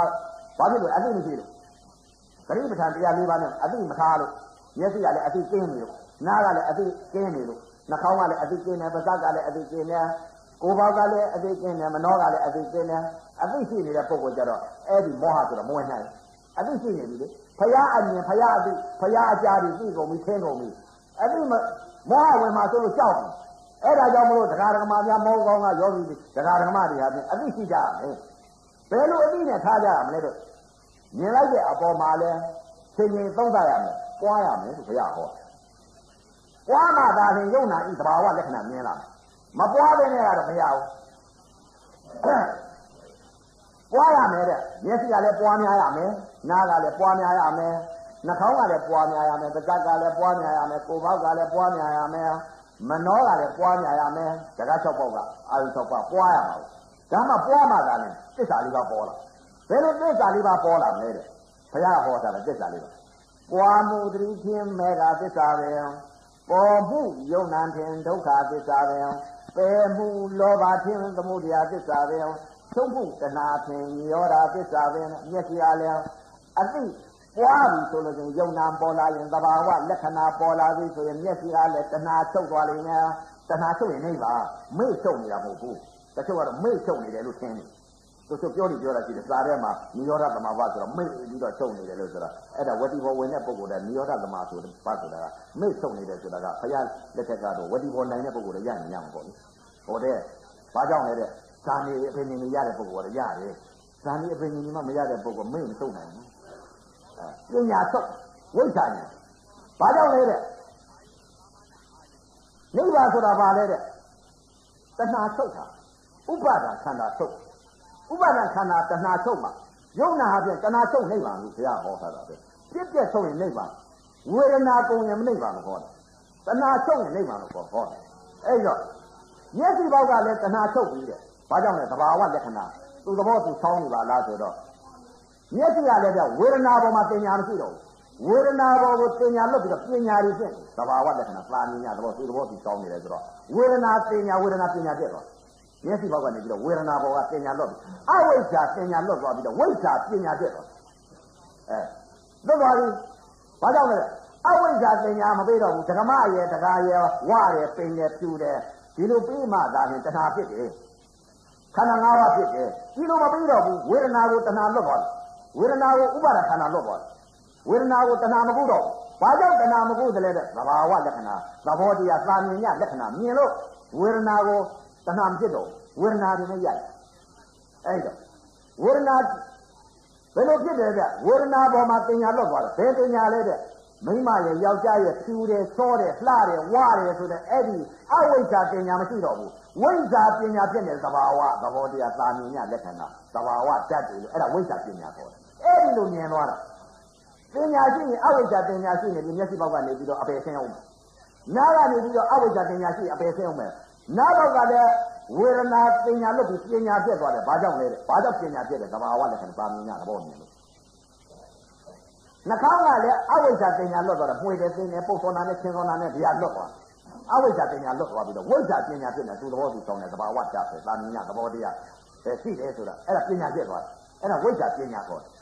အဲလျာနဲ့ရတာနဲ့စားလိုက်တဲ့အချိန်ခါကျတော့အဝိဇ္ဇာပညာကဘာလဲတဲ့ဆိုရခြင်းနဲ့ငါနဲ့စက်တဲ့ဖာနဲ့ခါတယ်ဆိုတာအဝိဇ္ဇာပညာအဲ့ဒါအပေသွားနဲ့စိတ်အဲ့ဒီပညာလွတ်သွားပြီးဘာလဲတဲ့သဘာဝတတ်တယ်သူသဘောသူစောင်းနေတယ်ခါတယ်ခါတယ်ဆင်းနေဆိုတယ်စိတ်နဲ့မရှိတော့ပညာလွတ်သွားဝေဒနာပညာဝေဒနာပညာပြတ်သွားစားတဲ့ပညာကိုယ်နဲ့အတွေ့နဲ့ထိမှန်လိုက်တဲ့ချက်ပူတယ်ကြိုက်တယ်ထုံတယ်ရှင်တယ်အောင့်တယ်အေးတယ်လှုပ်တယ်ရွရတယ်လို့မရှိတော့ဘူး သဘာဝတသူသဘောသူဆောင်တဲ့သဘာဝတခံစားစီတတ်တဲ့သဘာဝတဖောက်ပြန်တဲ့သဘာဝတသူသဘောသူဆောင်တဲ့ဓာတ်ကြီးတွေပါသူသဘောသူဆောင်နေတာလားသဘာဝဓာတ်တွေပါလားလို့သိသွားတော့ဝေဒနာပညာလွတ်သွားပြီးပညာပြတ်တယ်အဲသိပြီပြောအဲ့တော့တခုကြီးပဲဖြစ်နေတာမနှောတဲ့ဓမ္မတွေပေါ့ဆောင်လိုက်တဲ့အချိန်ကလည်းထိုးနေသူဆိုပဲကောင်းမကောင်းဆိုတာမသိတော့ဘူးအဝိဇ္ဇာပညာလွတ်သွားအဝိဇ္ဇာပညာလွတ်သွားတယ်ပညာလွတ်သွားအဝိဇ္ဇာအဝိဇ္ဇာပညာလွတ်သွားတော့ဝိဇ္ဇာပညာလွတ်သွား အဝိဇ္ဇာအဝိဇ္ဇာပညာလွတ်သွားတော့ဝိဇ္ဇာပညာဖြစ်ဝိဇ္ဇာပညာပဲလို့ဖြစ်တယ်သဘာဝတကောင်းတာလေသဘာဝတမကောင်းတာလေသဘာဝတဆိုတဲ့သဘာဝတတည်းဖြစ်အဲ့ဒီလိုသဘာဝတဖြစ်နေတော့သဘောတရားဖြစ်နေတော့မြင်လိုက်တဲ့အပေါ်မှာလဲစိတ်ချင်းဆိုတဲ့မေတ္တာမုံရင်ဆိုတဲ့မြစ်ဒေါသရှိပါဦးမရှိတော့အဲ့ဒါပါလေတဲ့ မုံရင်လည်းမရှိကြည်ချင်းလည်းမရှိမျက်စိကလည်းနားနဲ့အတန်နဲ့ကြားလိုက်တဲ့အချိန်ကလည်းမုံရင်လည်းမရှိကြည်ချင်းလည်းမရှိနှာခေါင်းနဲ့အနံ့နဲ့ပြင်းမှန်လိုက်တဲ့အချိန်ကအဲမုံရင်လည်းမရှိကြည်ချင်းလည်းမရှိမုံရင်ကြည်ချင်းဆိုမုံရင်မုံရင်ဆိုတာဒေါသကြည်ချင်းဆိုတာတဏှာယာကနဲ့တဏှာမျက်စိကလည်းယာကနဲ့ဒေါသနားကလည်းယာကနဲ့ဒေါသနှာခေါင်းကလည်းယာကနဲ့ဒေါသ ပါးစပ်ကလည်းຢာကနဲ့ဒေါသကိုယ်ပေါက်ကလည်းຢာကနဲ့ဒေါသမနှောကလည်းຢာကနဲ့ဒေါသအဲ့ဒီစိတ်တွေမရှိတော့ဘူးမျက်စိပေါက်ကလည်းမုံရင်ချက်ချင်းလွတ်သွားပြီနားကလည်းအတန်တခုပေါ်လာတဲ့အချိန်ကစစ်ချင်းနဲ့မေတ္တာတဏှာမရှိတော့ဘူးဒေါသလည်းမဖြစ်တော့ဘူးနှာခေါင်းနဲ့အနနဲ့ဖြီမှန်လိုက်တဲ့အချိန်ကမှွေတယ်တင်တယ်လို့စစ်ချင်းတဏှာမဖြစ်တော့ဘူးမုံရင်ဆိုတဲ့ပုတ်တော်နာနဲ့ချင်းတော်နာနဲ့ဆိုလည်းမရှိတော့ဘူးမုံရင်လည်းမရှိတော့ဘူးလျာကလည်းမုံရင်စစ်ချင်းလွတ်သွားပြီ ကိုဘောက်ကလည်းမုံရင်စစ်ချင်းလွတ်သွားပြီမနှောကလည်းမုံရင်စစ်ချင်းလွတ်သွားပြီလွတ်သွားတယ်ကဲဖြစ်ပါဦးမလားအပယ်လေးပါးသွားစီတတ်တဲ့ကံမရှိတော့အဲ့ဒါကြောင့်မလို့မုံရင်စစ်ချင်းဆိုတဲ့ဥစ္စာပါလေတဲ့မျက်စိကလည်းသာယာနှင်းသက်တဲ့အချိန်ခါမှာသာယာနှင်းသက်တဲ့ကြိုက်နှင်းသက်တဲ့အချိန်လေးကိုမြင်လိုက်မှာသာယာမှာသာရင်စစ်ချင်းလက္ခဏာဖြစ်နိုင်တယ်မသာယာသောအချိန်ကိုတွေ့လိုက်ပြီဆိုရင်မရှိခြင်းတဲ့စိတ်ကမုံရင်လက္ခဏာဖြစ်နိုင်တယ် မုံရင်စစ်ချင်းဆိုတဲ့ဥစ္စာအဲ့ဒါပုထုဇဉ်နဲ့ဖြစ်အဲ့တော့နားနဲ့အတန်နဲ့ကြားလိုက်တဲ့ချိန်ခါမှာသာယာတော့အတန်လေးကြားလိုက်ပါသာယာတဲ့မြင့်တဲ့ကနာယာကဖြစ်တဲ့ဖြစ်ချင်းလက္ခဏာဖြစ်နိုင်ရဲ့မသာယာတော့အတန်ကိုကြားလိုက်တော့မကြားခြင်းဘူးဆိုတော့မုံရင်ဖြစ်မုံရင်လက္ခဏာဖြစ်သွားအဲ့တော့မုံရင်ဖြစ်ခြင်းဆိုလွတ်နေတယ်လွတ်တဲ့သဘောကိုပြောတာနော်တဘာဝကိုပြောတာစာလို့တော့မသိပါဘူးအဲ့တော့ လျာမြင်ရတာနဲ့စားလိုက်တဲ့အချိန်ကမှသဘာဝဓာတ်တွေသဘောတရားတွေသိသွားတဲ့ပုံကိုကြပြီဆိုရင်ချိုးတယ်လည်းမရှိတော့ဘူးချင်းတယ်လည်းမရှိတော့ဘူးဖာတယ်လည်းမရှိတော့ဘူးခါတယ်လည်းမရှိတော့ဘူးလွတ်တော့အဲ့ဒါကြောင့်မလို့ဘုရားရှင်ကိုတော်မြတ်ကြီးကတော့မျက်စိကလည်းဖြစ်ချင်းလက္ခဏာမုံရင်လက္ခဏာမရှိဘူးအဲနားနဲ့အသံနဲ့ကြားလိုက်တဲ့အချိန်ကဖြစ်ချင်းလက္ခဏာမုံရင်လက္ခဏာမရှိတော့ဘူးနားလိုက်တဲ့အချိန်ကဖြစ်ချင်းလက္ခဏာမုံရင်လက္ခဏာမရှိတော့ဘူး လျာနဲ့ရာသာနဲ့စားလိုက်တဲ့ထိုနည်းတူစွာဖြစ်ချင်းလက္ခဏာမုံရင်လက္ခဏာကိုယ်နဲ့အတွေ့နဲ့ထိမှန်လိုက်တဲ့အချိန်ကလည်းဖြစ်ချင်းလက္ခဏာမုံရင်လက္ခဏာမနှောနဲ့ဓမ္မနဲ့ပေါင်းစုံလိုက်တဲ့အချိန်ကလည်းဖြစ်ချင်းလက္ခဏာမုံရင်လက္ခဏာမရှိတော့အဲ့ဒီလိုမရှိတော့မှမျက်စိကလည်းຢာကခန္ဓာမပြည့်နိုင်တော့ဘူးဒေါသခန္ဓာမပြည့်နိုင်တော့ဘူးမောဟခန္ဓာမပြည့်နိုင်တော့ဘူးအပေလေးပါးသွားတည်တတ်တဲ့ကာဏီဆုံးသွားအပေလေးပါးသွားတည်တတ်တဲ့ကာဏီဟာ အဲ့ဒီလိုချုပ်သွားပြီးငါတော့အပေလေးပါးကိုမျက်စိပေါက်ကနေပြီးအပေခန္ဓာတွေအပေပရိစ္ဆာန်ငါမနေတော့ဘူးဆိုတာသိဒီလိုသိတယ်တစ်ထိပ်ချဆုံးဖြတ်တယ်ဘာကြောင့်လဲတဲ့မျက်စိကမှຢာကမှမဖြစ်တော့ပဲအပေလေးပါးသွားတည်တတ်တဲ့လောဘစိတ်မဖြစ်တော့ဘူးအပေလေးပါးသွားတည်တတ်တဲ့ဒေါသစိတ်မဖြစ်တော့ဘူးအပေလေးပါးသွားတည်တတ်တဲ့ကမောဟမပုံဝန်းတော့ဘာကြောင့်လဲတဲ့အသိရှိသွားခရအသိဖရာအသိဖရာအသိဆင်သွားလို့အဲ့ဒါကြောင့်မလို့စကား၆ပေါက်ကအာယုံ၆ပါးဟာဖြင့် စကားဓမ္မများဟာဖြင့်အသိအမြဲတမ်းထားကြပါအသိအမြဲတမ်းရှိကြမှသာဖြင့်အသိတစ်လုံးအမြတ်ဆုံးရကြပါလိမ့်မယ်ဖရာသမီးဖရာသားဖြစ်ကြရအောင်အသိဟာအမြဲတမ်းကတ်ကြပါအသိမရှိဘဲနဲ့နေကြမယ်ဆိုလို့ရှိရင်ဖရာသမီးဖရာသားမခေါ်နိုင်မခေါ်တိုက်သေးဖြစ်လိမ့်မယ်လို့အခုရှင်းညာအထုတ်တဲ့ပုံကိုယ်တွေဟာဖြင့်အသိဟာဒလကြကြီးအသိဟာတရားဟာဖြင့်ရကြဖို့အချိန်ကကြာလာပါပြီ